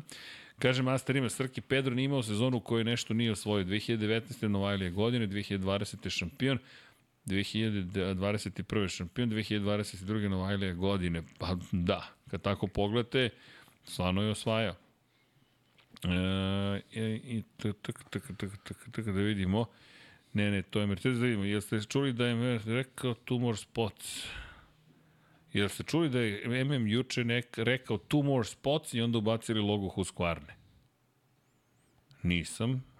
Ali eto, apropo KTM-a, možda će to baš biti način da se, da se ubaci, ubacite Husqvarnu Moto Grand Prix i podržavate zapravo još jednu robnu marku. Pa dobro. Ima raznih Pa opcija. ima, da, Ima. postoji opcije. Ima, ima baš raznih opcija. Koja je ono MotoGP Stvar je knjiga budžeta. iza Srkija? Ovo je zapravo poklon koji smo dobili od Henka Kulimansa i koji zapravo predstavlja 60 godina takmičenja u Moto Grand Prix. I mnogo lepa knjiga. Ono što tu imamo jeste praktično opis svake sezone u, u kratkom pogled na stanje u šampionatu sveta, u 500 kubika 350, 250, 125 i tako dalje. Četiri strane po sezoni. Tako da svaka sezona ima svoju priču i kratak opis šta se dešavalo, tako da to je jedna mala enciklopedija koju nam je poklonio. Nije izdavana, ja mislim, od te godine, to je bilo koje godine tačno izdata. Samo sekund da vidim da ne pogrešim 2009. u septembru. Julian Ryder i Martin Reigns. Martin Reigns koji je zvanični statističar Moto Grand Prix. I to je poklon bio zapravo koji smo dobili od Henka Kulimansa prošle godine kada je bio tu na izložbi sobstvenih radova. Jel tako? Tako je. E, Pedro nije bio onaj godine, bio odmah šampion Moto3, ali ne, ne, Pedro je bio Novajlija u Red Bullom kupu Novajlija bio je Novajlija godine. 2019. 2020. je bio šampion u Red Bullom kupu Novajlija, pa je potom bio 2021. šampion Moto Trojke, 2022. godine otišao kao Novajlija Moto Dvojke, bio, ljudi, on, ovo mu je tek treća sezona u svetskom šampionatu. To se isto zaboravlja. Pedro Costa kao da je ovde od uvek. A on je dečko stigao 2021. Osvojio titulu, prošle godine, šam, to nije šampion, Novajlija godine 2000, u Moto dvojkama i sada juri šampionsku titulu. Tole, svaka čast kako ste sredili studiju. Hvala, to je zahvaljujući vašoj pomoći. Aleš Espargaro dobio Suzuki MotoGP. E, da! E, da. E, kako je to, on? E, kako je dobio? E, zašto? E. Aha, taj Suzuki nije isrečen. Čekaj, Čekaj, stani. ajmo, stojim, deki. Čekam te. Kako? Kako? Kako? Ti meni reci. Dakle, to nije čovjek koji je osvojio titulu. A dobio je Suzuki. I još je otišao iz Suzukija ljut što su potpisali ugovor sa Andrejom Janonem u kojem je pisalo da je Janone vozač broj 1, a njemu rekli da je on vozač broj 2 i potom je otišao demonstrativno u Apriliju, a njemu daju njegov motocikl iz 2016. Koji nisu uništili. koji nisu uništili, a komisijski su uništili, to nije šala prošlogodišnje verzije Joana Mira i Aleksa Rinsa. Deki, aj, aj, ne, može Ništa neko ikada da mi objasni kako to funkcioniše. U Japanu. U Japanu. Sad stvarno ne znam, jedno, Minotauri 11 pita. Možda samo u godinama koji su za, završavaju na šesticu se ne uništavaju motocikli. I, ili to već šta ide porez ili šta je. Ili svaki motocikl koji je od pre 7 godina. E, možda je to, da. Znaš, sedmogodišnji ciklus. Ali ne znam, sajno vam je pitanje, zaista ne znam. Ali ćemo ga pitati, to je najmanje što možemo da uradimo. Sledeći put kada Koga ga, ćemo pitati? Pa kada ga budem video. Koga? Aleš Espargaro. Otkud on to zna? Otkud on zna kako je taj motocikl preživeo? A ne, ne, ali da ga pitamo kako si, kako si sredio sebi bajs. Best. Gasi miksa, gotovo je, gotovo. A, on voli bicikle. Deki, ti sigurno da ovde nema alkohola? Sad više nisu. Možda je prokislo stajanje. Dobro, izvini, izvini, izvini Miksa. Stefan Serdar pita, koja je razlika između kategorije Moto3 danas i 250 iz 90-ih 2000-ih? Ono su bili dvotakni motori, a ovo su sada četvorotakni motori. Pa Inače, 250 i Moto3 nije to... ne, ne, ne, nije, ali ista kubikaža. A to, aha, Ista kubika, kubikaža, da, da, pa ista dobro. kubikaža. Pa dobro, samim tim što nisu na istom nivou, jasno je da, Da, postoji da, da. razlika. Po, inače, 125-ice su zamenjene Moto trojkama i duplirane kubikaža, umesto dvotaknih 125-ica, četvorotaknih 250-ice. E sad, obratni moment jeste veći, ali broj obrtaja, uf, miris, ajoj. I još jedna bitna stvar, Dakle, kada govorimo o isporuci snage, to je taktu, tak se završi na dvotaktašima za 360 stepeni okretaja kolenastog vratila, kod četvorotaknih 720 stepeni, za oni koji eventualno to ne znaju. Tako da, vi kada dobijete, ne znam, 15, 16, 17 hiljada obrtaja, na 125-icama, 250 ili 500 kama, ljudi, to je... Ne znate kad će da podivlja. ne znate kad će. Mnogi kada to porede sa starim turbomotorima na automobilima, kao turbo rupa, samo odjednom dobiješ neku snagu koju ne očekuješ i ti to dižeš. To mi je kao na, na našoj aprilici RS. Do 11.000, eh, manje više ništa. Preko 11.000, huh, čak i 125 kubika, bukvalno kreće potpuno ludilo. Inače, 250-ice, jao kako mi je pobegla ta Aprilia 250-ica pre 10 godina, bilo ih je svugde, ja kao, ma nema potrebe sad to da kupujemo, kakve veze ima. Čoveče, ta 250-ica, to je zmaj. Bukvalno zmaj, sad ih je teško nabiti, sad su postali, postali kolekcionarski zapravo motocikli, 10, 12 Ima jednu hiljada evra. aranđelicu da rosavi u muzeju. E, Znam, znam, znam, čuo se, ali to su bukvalno fenomenalni To motocikli. su bili kod nas sjajne trke. Jeste, jeste, 250 I to je ozbiljan motocikl. Ljudi, to, a, to smo pričali prošle godine na izložbi Valentina Rosija. Obratite pažnju, inače, pogledajte neku trku koju je Jorge Lorenzo vozio u Moto Grand Prix u Saxon Ringu. Zašto? Svi koji su ikada dvotaktaše vozili u Saxon Ringu su, inače su vozili tako dvotaktaše, držali leve, prste leve ruke na kvačilu jer tamo znao da zariba motocikl ozbiljno. Dvotaktaši na Saxon ringu redovno zaribaju. Šta je bila caka sa dvotaktašima? Ako zariba dvotaktaš, garantujem vam da snimaju sa nama podcast Kosmos 76. Dakle, to mi je dato. Dakle, to je lansiranje instant. Osim ako ne povučete odmah kvačilo i kažete ne, ne, ne, ne, ne, ne, ja nemam te probleme. I Jorge je to postala navika da kada je vozio Yamahu četvorotaknu, gledate ga kako vozi motocikl koji uopšte nema taj problem i drži ovako prste i pošto je tada bilo 30 krugova u Saxon ringu, znaju da završi trku sa grčem u prstima leve ruke i ovako otprilike završi i kaže uvijek imam grč jer navika je, to je strah, ljudi oni su u strahu vozili Saxon ring. Otprilike tako izgledalo, a sad zamislite 500 dvotaktne, to je nezamislivo, pri čemu nema elektronske kontrole proklizavanja. Kontrola proklizavanja je kroz paljenje motora.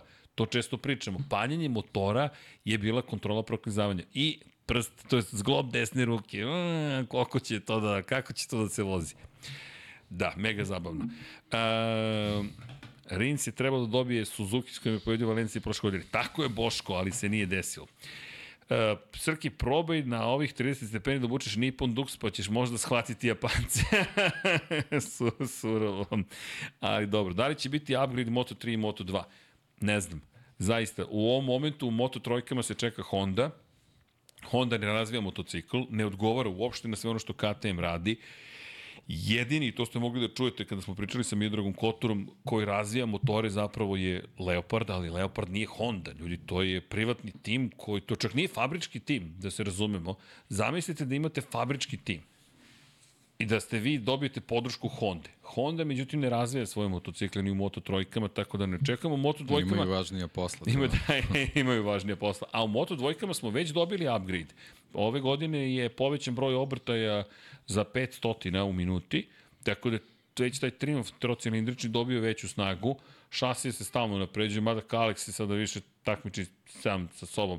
Jedino što se lepo desilo speed up kada je uveo aluminijumsku zadnju viljušku, ne aluminijsku, ugljeničnih vlaka na zadnju viljušku, tad je Kalex morao da odreaguje od jednom speed up postao bolji. Tako da to zavisi od speed upa ako ljudi ima dva motocikla, a Kalex ima 26. Baš je nepravedno. Kad će video vanzemaljcima, na primjer, prednosti i slabosti i poređenja, stalno ih spomenjate, mislim da bi bio red da napravite video najbolji. Hvala Balša, pa, pa, pa može, može, dobra ideja. Uh, Future, hvala. Graciano Rossi, zar je ne, bi bilo bolje da ozbiljnije shvati za ostatak i da se brzo treba vratiti na formu koja ga dovela u fabriku nego da skače već 10 dana sa jahte? Ili on zna, zna nešto što mi ne znamo? A, Pa zna ono što i mi znamo da ne može da trenira na motogram pri motociklu, Da. tako da pa znate šta? to mu jedno Enea- preostaje, mislim to skakanje sa jahte je jedno znak da je potpuno zdrav, pa ajde da to, da to uzmemo u obzir na taj način. Ali ne, ne, i samo Luki, dozgovorim, Luka Spirov, zašto ne komentarišete NASCAR? Juče smo pričali o NASCAR-u, utorkom četvorotočkaše pokrijemo, tako da znate, nismo baš se proslavili juče, pošto smo bil kasno to već pokrili, ali NASCAR prokomentarišemo, ali ćemo ga bolje prokomentarisati sledeće nedelje. I pa ja volimo da ga pratimo, ali ljudi, sad nam je malo teže postalo da ispratimo, e, s obzirom na činjenicu da pratimo i komentarišemo kvalifikacije Formule 2, kvalifikacije Formule 3, trening broj 1 Formule 1, trening broj 2 Formule 1, trening broj 3 Formule 1, kvalifikacije Porsche Superkupa, sprint trku Formule 3, sprint trku Formule 2, trku for, Porsche Superkupa i trku Formule 1. To je jedan trkački vikend Formule 1. A onda na sve to dodajte Moto 3, Moto 2, Moto Grand Prix, Moto E. Trening 1, 2, 3, 4, kako god ih brojite, kvalifikacije, pa još jedan dodatni jutarnji trening, pa trku 1, 2, 3, 4 i 5, zato što imate dve trke Moto E klase, a onda Red Bullov kup Novajlija čisto kao lako zagrevanje da se završi dan ili započne sledeći dan. Tako da, kad sve to stavite u glavu i onda uveče sednete i upalite NASCAR, verujte, vrlo brzo ste u komatoznom stanju ili ti u to ime Miksa violina svira, evo, tužna. Nije, nije, nije, ne, ne žalim se, samo ne stižemo. Samo bukvalno ne stižemo, to je jedini problem. A, ha, ha, a Miksa je, ja, imate, vas dvojice imate connection. E, jesi gledao Mission Impossible? Odmazda prvi deo. A preporučujem da pogledaš, pošto si pozvan u podcast Nemoguća misija. Ne, nisi bio tu. Ne, ne, to smo samo najavili da bi te sačekali da ti ovde budeš. Deki mora u Grčku, šta ti je? Pa šta, sa- šta da radimo? Nisam imao izbor. Ni- Vidi, veruj mi, nije imao izbora.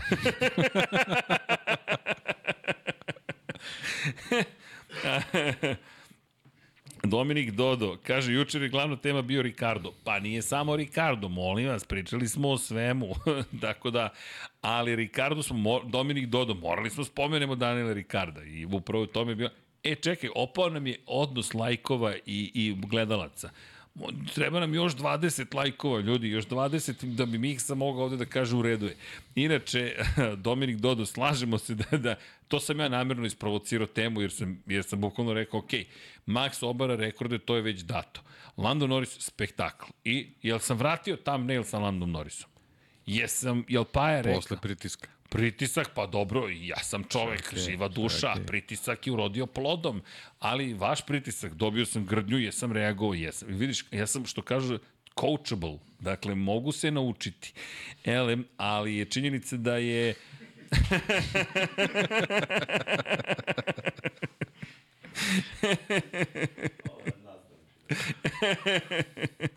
dakle, da, ja sam po, po, poslušao mlađeg kolegu Živkovića i rekao redu je, tako ćemo. Kaže, Ivan Strki, trebao si biti u subotu kod mene, kvalifikacija F1, F1 Akademija, prva trka britanska track serija, ste vremenu prenosi nedelja F1 Endurance Monza i UK track. Svaka čast. ali svaka čast. A, Srki, da li Estrelja Galicije vredi one pare preskupa je? Mislite na pivo ili nešto drugo? Pa Estrelja Galicija, da, to, to, to je, pa ne, ima i tim Estrelja. Ne, ne, Estrelja Galicija postoji kao tim, pa sad ne znam da li se prodaje neki motocikl, ali ako me pitate za pivo, Muva se vidi na stolu. Muva se vidi na stolu. Pogledaj kako Po- dobar kadar je. Ne? pa šta da radimo s muvom? Ništa. Neće se pretvoriš u muvu. ona koktel. neki. Nećeš se Samo pretvoriš da me ne ujede. u muvu. Ko nije gledao horor, Da me čuveni ne film ali taj čovjek se nije promenio. Dakle, on i dan danas Jeff Goldblum izgleda isto kao i tada kada je snimio. Dakle, a, a kao, kažu Brad Pitt dobro izgleda, a Jeff Goldblum čovjek ne stari. Elem, a, da, pivo je preskupo. Evo, moram da vam priznam, ne, nemojte mi zameriti, ali, ali, ali to je prednost medijske propusnice kada ste na Moto Grand Prix-u. Mi ne plaćamo Estrelju Galiciju, to jest mi dobijemo poziv ekipe da posetimo i onda vam Mark VDS Racing kaže pivo je besplatno. Ma nema, kad je to bilo? Kako kad je to bilo? Mark VDS Racing. Ti ne piješ. Ne, nije, nego Ne, ne, ne, nije. ukinuli su to, ne. Nije. Nisu ukinuli. To To je pon... onako na 0-0 bilo. Ne. I Black izdanje, i sva izdanja, i neka njihova craft piva. Nisam imao tu sreću. N, e, samo traži Evu. Eva je glavna osoba za organizaciju, samo traži Evu i sve je okej. Dobio Srki tvoju propusnicu. Mojito koktel.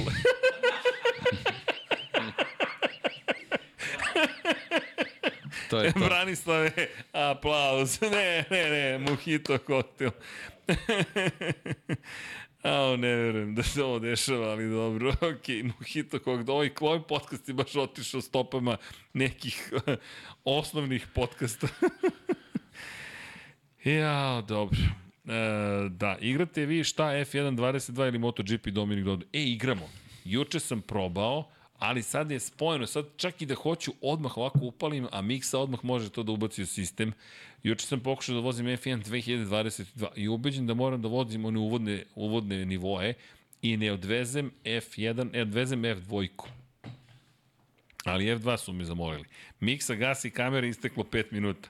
Svima je žao što Romano nije završio na podijumu Astinu. E da, Romano, bilo bi zabavno da, da, da, da je uspeo da dođe do pobjedničkog posle. Tako da Dominik Dodo, MotoGP ne umemo da igramo, iskreno, dakle radimo na tome da, da, da naučimo, ali ja nikako MotoGP ne uspem da učim. Krenuo sam od Moto trojke, ljudi, ne, mo, ne uspevam, dakle, nema, sve mi kasni po pola sekunde u komandama, dakle, vo, volan još nekako sam ovladao, ovo ostalo slabo. E, jeste, reki je, da- rekao je Dixon, rekao je, ne, ni Dixon, nego Deki je rekao da će Dixon u Yamahu kada je predvidio da će Dixon pobediti u Asenu, tako da sad verujem samo Deki u Srka ništa ne pogađa osim barijera kada vozi F1 2023. hvala vam na tome, hvala vam. ali dobro. Uh, Srki, lagano je vreme za odjevu, ali prvo da voziš Moto3. Zaista želite da ja vozim. Dolazi li Srki u petak u 99 yardi da kaže ko je u svojim džecima? Pa naravno. Pa naravno da dolazim. Odričemo ga se ako ne dođe. Pa odriče me se ako ne dođem. Ne, u špici samo zeleno, nema više mene. Green screen. Jetsi su bili ovde. Ako tri godine prozivanja neće da dođe u petak. ja, ali Deki i ti bi bili bo... Aha, igrice ne umete, ali Deki i ti bi bili bolji nego Acosta. Čujte, me, ne bismo mi prošli merenje, kamo li nešto drugo, ali dobro. Uh, zatim, je li ima volan za MotoGP kao što ima F1 ili mora kontroler? Pa neko je pravi, znate ko je napravio to? Ja, to sam gledao na YouTube-u. Tata Pa, je... puštali smo mi Jesmo to. puštali? Jesmo, Tako je, jesmo. puštali smo. Čovek je napravio, bukvalno je uzeo upravljač, Korman je uzeo sa, sa motocikla i napravio ovako polugu koju je zakačio za kontroler. I vi kako skrećete levo, on zaista gura kontroler na Playstationu, tako da postoji i to. Kaže Dominik Dodo, ja igram karijeru F1 22, trenutno prvak u Ferrariju za dušu kad već u stvarnosti ne ide. Bravo Dominiče, ali stvarno svaka čast.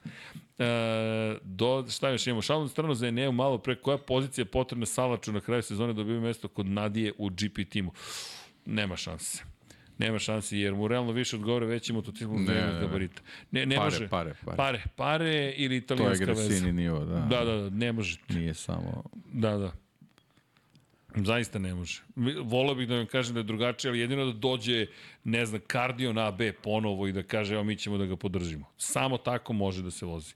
Jer i, i, i čak i tada, u tom periodu kardio na AB je zaista davao milione godišnje da bi Ducati dao, jel te, motocikl da. Karelu Abrahamu mlađem.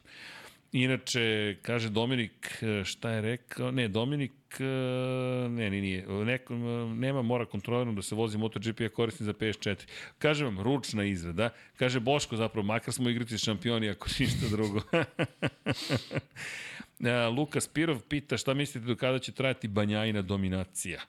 Pa, ova godina deluje mi da će biti još uvek njegova.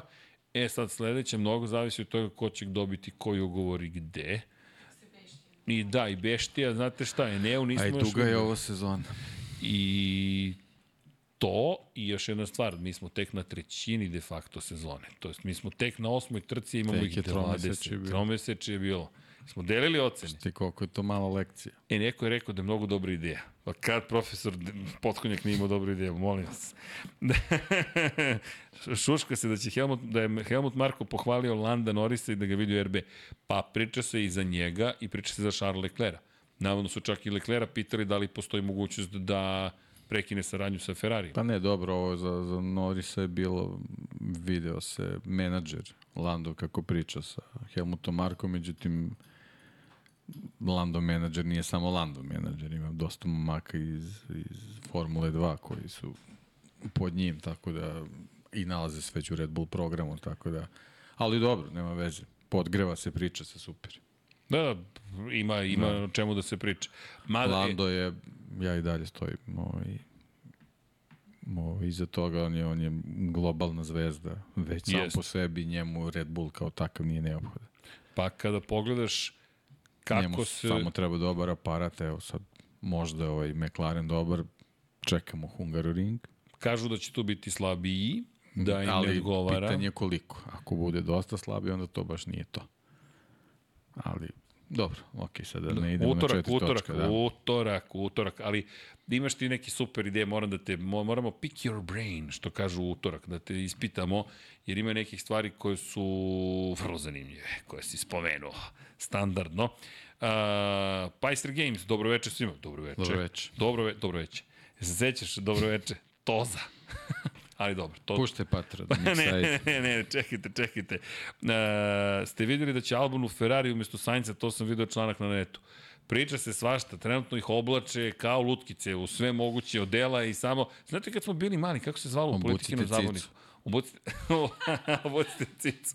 Ne, nisam na njega mislio, bio onaj super heroj, obucite, ne znam kako se zove. Ja sam oblačio Paju Patka i Miki, Mini, svašta bio je bilo. je, Sve živo sam sekao, viking je neki bio. A dobro, ti si superherojima ceo život. Ja sam sekao sve živo. Ne, ne, ne, ali dobio si to uz politikin zabavnik se dobije i onda imaš one kao pa da. papiriće. Da Ali seckaš. Da, da, Ja sam seckaš. sve seckao. Šta god je bilo. Deki seckati. Hasane, uzeo ti. Pozdrav za našeg Hasana Bratića. Čuo sam se danas sa Hasanom. Bio je na nekoj futbolskoj utakmici. Hasan, legenda. Neumorni Hasan. Neumorni, ali bukvalno čovjek neumorni. E, da, e, dobro večer, do, to, a čeka se Lu, Lu. Luis i ugovor. Da, Luis još nije potpisao s Mercedesom. Ja ne znam što mi ne verujete da ide u Ferrari. Ja, ja zaista ne znam zašto moju teoriju sporavate. Sam rekao će Lando Norris da pobedi. Ok, nisam bio skroz u pravu, ali nisam bio daleko. Kada pogledaš svako iza Maxa ko se nađe, taj pobedi u trci, pošto ima Max kup i ima onda trka Formula 1 tamo negdje iza njega. Ivan Vujsinović, ako se dobro sećam u poređenju kruga u Q3 Norris Max, čini mi se da je Norris bio dominantniji u krivinama. Jeste. Mm, e, Pa da, ali nisu to krivine koji ih čekaju u Mađarskoj. U Mađarskoj ih čeka malo niži stepen prenosa, malo drugačije ponašanje bolida i tako. Silverstone je ipak Silverstone. E, čekaj, šta tole e, reče? Evo, Jopa ZG, ba, Banja će dominirati sve dok Ducati bude imao najbolji motor. Polako, i Jorge Martin napreduje, i Enea Bastianini, i Marko Beceki, bit će tu zanimljivo. Tole, kaže, imate bolje knjige nego sve biblioteke u Srbiji. Pa dobro, nije baš tako, ali, ali radimo na tome. Profesor Potkonjak je danas ovde analizirao biblioteku. Jesi zadovoljan? Popis, popis. Popis, po, popis je pao, da vidimo mi šta sve tu ima da se nađe. Srkiju tortu da donesete ako Luis pređe u Ferrari. Nema Šta potrebe oni. Šta to, ljudi, ta torta, pa ja ću ovde prvi da se hvalim. To, na thumbnailu sam ja.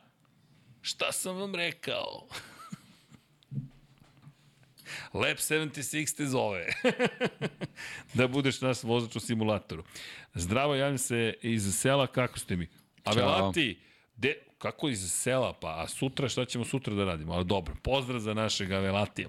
Sargent je pobedio puno puta ove sezone, ali od pozad, dobro, to je surovo, dobro. E, dobro, ja mislim da ja smo došli do ponoći, pa još malo, deki, taman dok iščitamo Patreone i dok se pozdravimo sa svima. E, a kako ti se čini da u crvenu boju stavimo sve koji su članovi na YouTube-u, a Patreoni da budu plavom? Čisto da napravimo malo Pa, dobro, okej. neke novitete, a onda kako prolazi ime, da se ime pretvori u zvezdu. Zvezdica. Bang. Razumeš, da se ovako slažu zvezdice, jedno po... Pušta, ajde. Jedno, ne, ne,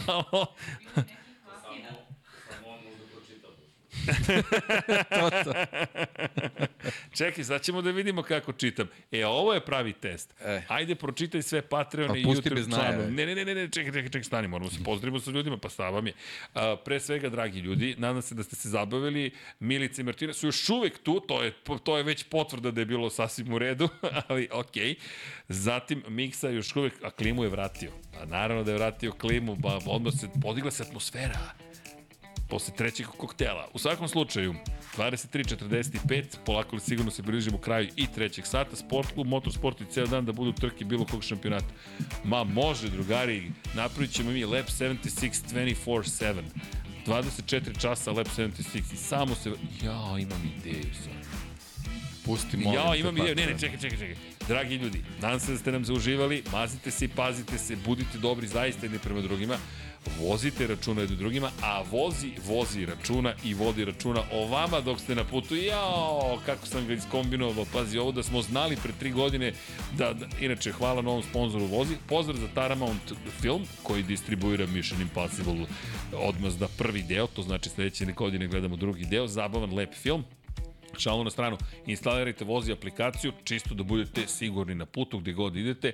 Evropa paket koristi gospodin, stari kontinent, dakle, koji, kojim ističe 23.7. a obnovit će ga na linku koji možete naći u video descriptionu i klik na Infinity Lighthouse i sponsor bude još zadovoljni. A hvala im što nas podržavaju, ali pre svega naš najveći sponsor jeste vi i ostajete vi, tako da hvala vam na tome kliknite like, share, subscribe, sve ostale lepe stvari. Pozdrav poseban patronima, patron.com kroz Infinity Lighthouse i članovima na YouTube-u. Imamo sada preko 100. Idemo na 300, je li tako? Pošto imamo 300, ovo je 325. emisija. Wow. Miksa, hoćemo do 400 do kraja godine. Kaže Miksa ovako. To znači, to je to. Jao, znaš ko nam gostuje u 399. izdanju? Jorge Lorenzo. ne, to je tugujemo 99-ku, ali bismo mogli da pozovemo ekipu 99 yardi. Šta vi znate o automotosportu? Blitzkrieg. Blitzkriz. Idemo.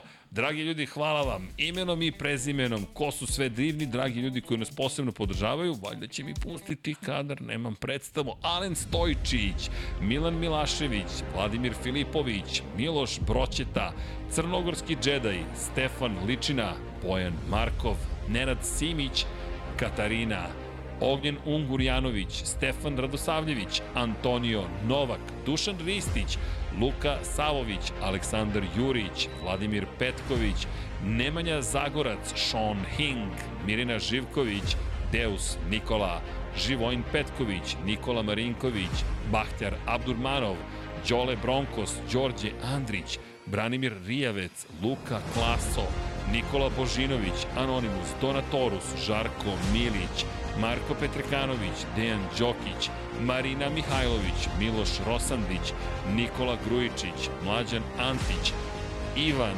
Novak Tomić, Ivan Simeunović, Vladan Miladinović, Kovačević Omer, Stefan Vidić, Luka, Nedim, Vlada Ivanović, Aleksandar, Predrag Pižurica, Martin Gašpar, Stefan Vuletić, Milan Paunović, Milan Apro, Đorđe Milanović ili Đorđe Milanović, Stefan Nedeljković, Nedim Drljević, Monika Erceg, Goša 46, Zoran Majdov, Miloš Banduka, Marko Bogavac, Milan, Mario Jelena Komšić, Andrej Božo, Armin Durgut, Marko Ćurčić, Strahinja Brajanovski, Mario Vidović, Mihajlo Krgović, Daniela Ilić, Benjo KK, Andreja Miladinović, Predrag Simić, Lufonac, Đorđe Radojević, Ružica Stefanović, Bojan Majstorović, Jesenko Samarčić, Marko Mostarac, Aleksa Valter, Životić Jovan, Anonimus, Donatorus,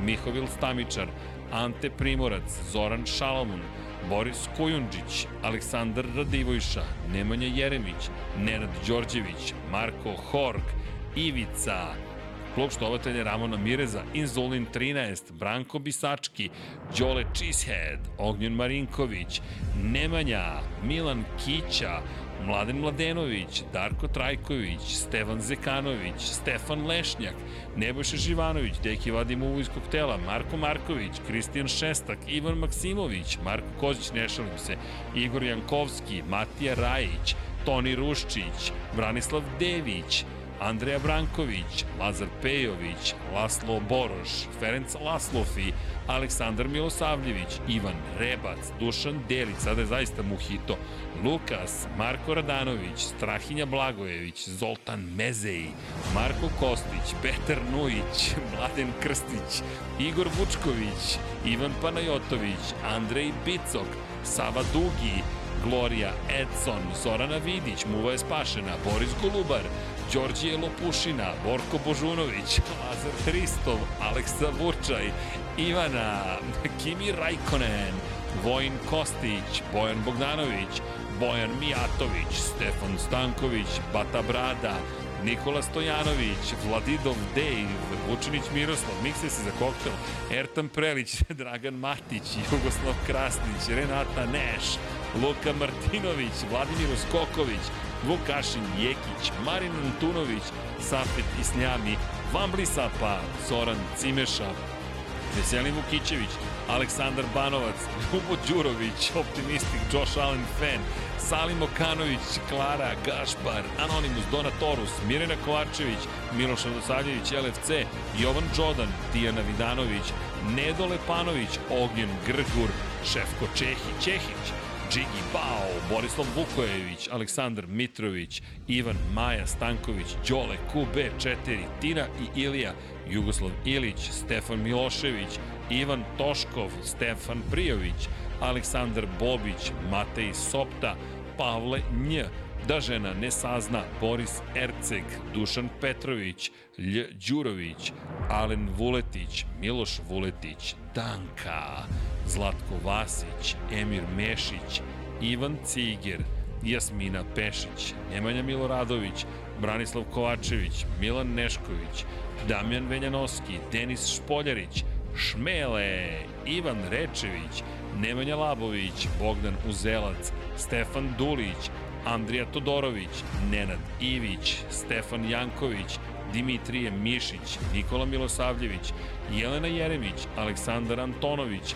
Aleksandar Čučković, Miloš Rašić, Dejan Vujović, Aleksandar Anđelić, Luka Maritašević, Srđan Sivić, Branislav Marković, Ivan Milatović, Daniel Kolobarić, Dorijan Kablar, Neđo Mališić, Aca Vizla, Sead Šantić, Đurđica Martinović, Vladimir Mutić, Josip Kovačić, Miroslav Cvetić, Mladen Tešić, Vukašin Vučenović, Vladimir Jovanović, Grgo Živaljić, Jelena Veljković, Armin, Vladimir Stojadinov, Đerman, Miloš Todorov, Vuk Korać, Aleksa Lilić, Saša Ranisavljević, Jeca N. Stefan, Jelena Mak, Borislav Jovanović, Marko Blagojević, Milan Ristić, Vanja Radulović, Filip, Igor Gašparević, Branislav Milošević, Branko Rašević, Uroš Ćosić, Resničanin, Bojan Gitarić, Ejhil,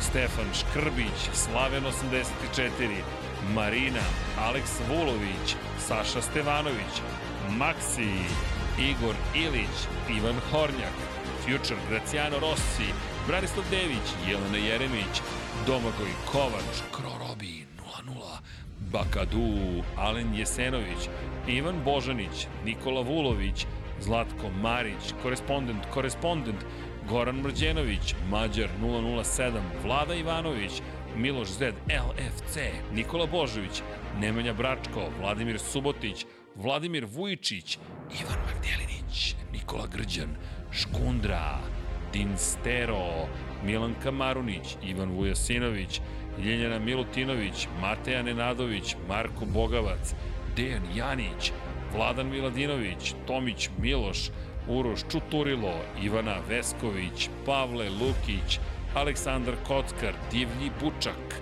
Blagoj Ačevski, Đera 7, Marakos, Igor Ninić, Sejdo Mujčić, Nemanja Miloradović, Anonimus, Dora Torus, Vladan Đurić, Ada Sokolović, Milan Knežević, Vuk, Kosta Berić, Nikola Niksi, Aleksandar Nikolić, Galeksić, Nemanja Cimbaljević, Almir Vuk, Benđer, Aleksandar P, Bojan Markov, Ivan Vincetić, Omer Sarajlić, Đorđe Janjić, Drago Veković, Dejan Plackov Plackov, Nikola Adamović, Oliver Nikolić, Mensur Kurtagić, Žika Su, Nemanja, Jovan Bojanić, Bruno Jurić, Josip Buljovčić, Marko Stojilković, Nedžad Mrakić, Milorad Reljić, Almedin Ahmetović, Pujo, Nikola Grujičić, Miloš Stanimirović, Nikola Kojić, Petar Bijelić, Vojislav Tadić,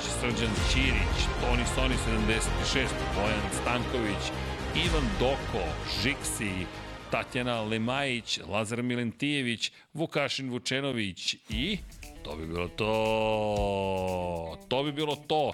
Koktel mi se nekako oživeo, popravio. Ovde nije bio, ovo nije bio tašmajdanski bazen za, za, za muve. To je kod Dekija, tamo ne bih to konzumirao, moram ti priznati, ako ne moram, ali bila je simpatična scena. Nadam se da ste uživali, pre svega dame koje su nam bile u gostima, drage gošće. Evo jedan aplauz s naše strane, cela ekipa. Čekajte, prošla je ponoć. Imate prevoz i sve to, sve mirni, dobro, dobro, molim vas, moramo vodimo računa, pogotovo damama. S druge strane, Šta želim da kažem, nemam predstavu, ali hoću da vam kažem da vas volimo svakako, mazite se, pazite se, budite dobri jedni prema drugima, udarite like, share, subscribe i sve ostalo, učinite nešto pozitivno, ej, pošaljite poruke, 1503 na 30 30 za Martina ili na Human, to jest Human 1503 na 455 u Švajcarskoj ili 1492 za Jovanu na 30 30 ili Human, a ovo je za Martina, Dakle, imate i račune, kao što možete vidjeti, u kadru, da podržimo jedno dete, da, da mu pružimo podršku i da se družimo s Martinom još dugi, dugi niz godina, da i on vidi koliko ovo najbolji podcast, a Jovana to već zna, a da podržimo Jovanu u njenom oporavku i da se nadamo da će i jedno i drugo da se izbore, bitka traje, ali vas molim za pomoć. 1492, to jest Human 1492 na 455 ukoliko ste u Švajcarskoj, videli ste takođe račune i za jedno i za drugo, pa eto, koliko možete, divno, ukoliko nekog drugog želite da podržite, podržite, podržite komšinicu, komšinu, nešto uradite lepo, pozitivno, budimo dobri jedni prema drugima, imajmo razumevanje jedni za druge, takođe i generalno pripremite se za još ovakvih podcasta, pošto trka nema sve do 6. avgusta. Tako da, deki, Smislit ćemo nešto. Smislit ćemo nešto. Mislim da nam je ugasio mikrofon. e, završio sa nama, da. Šta ti, šta ti kad ima audio interfejs čovek i onda samo ovako rk, gain 1, gain 2, ali dobro, preskočit ćemo, prezupčit ćemo mi to. Elem, daj muziku. Daj muziku. Daj muziku da završimo s muzikom. To ti kaš, ta, ta, ta, ta, ta, ta, ta. Deki, zadovoljstvo je uvek družiti se s tobom. Pripremite se za kosmos, kosmička snaga se vraća, ne znam, u, to može da bude dobar podcast, kosmička snaga, mada pitanje da li će nas shvatiti ozbiljno. U svakom slučaju, kada govorimo o nastavku druženja, u petak, ne, sutra, 1 na 1, je li tako?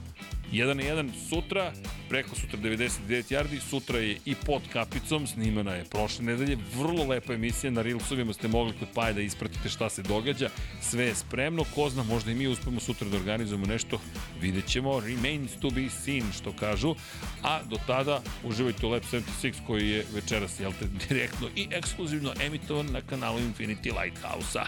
To bi bilo to, deki, kako ćemo? 1, 2, 3 muva. Šalim se. 1, 2, 3.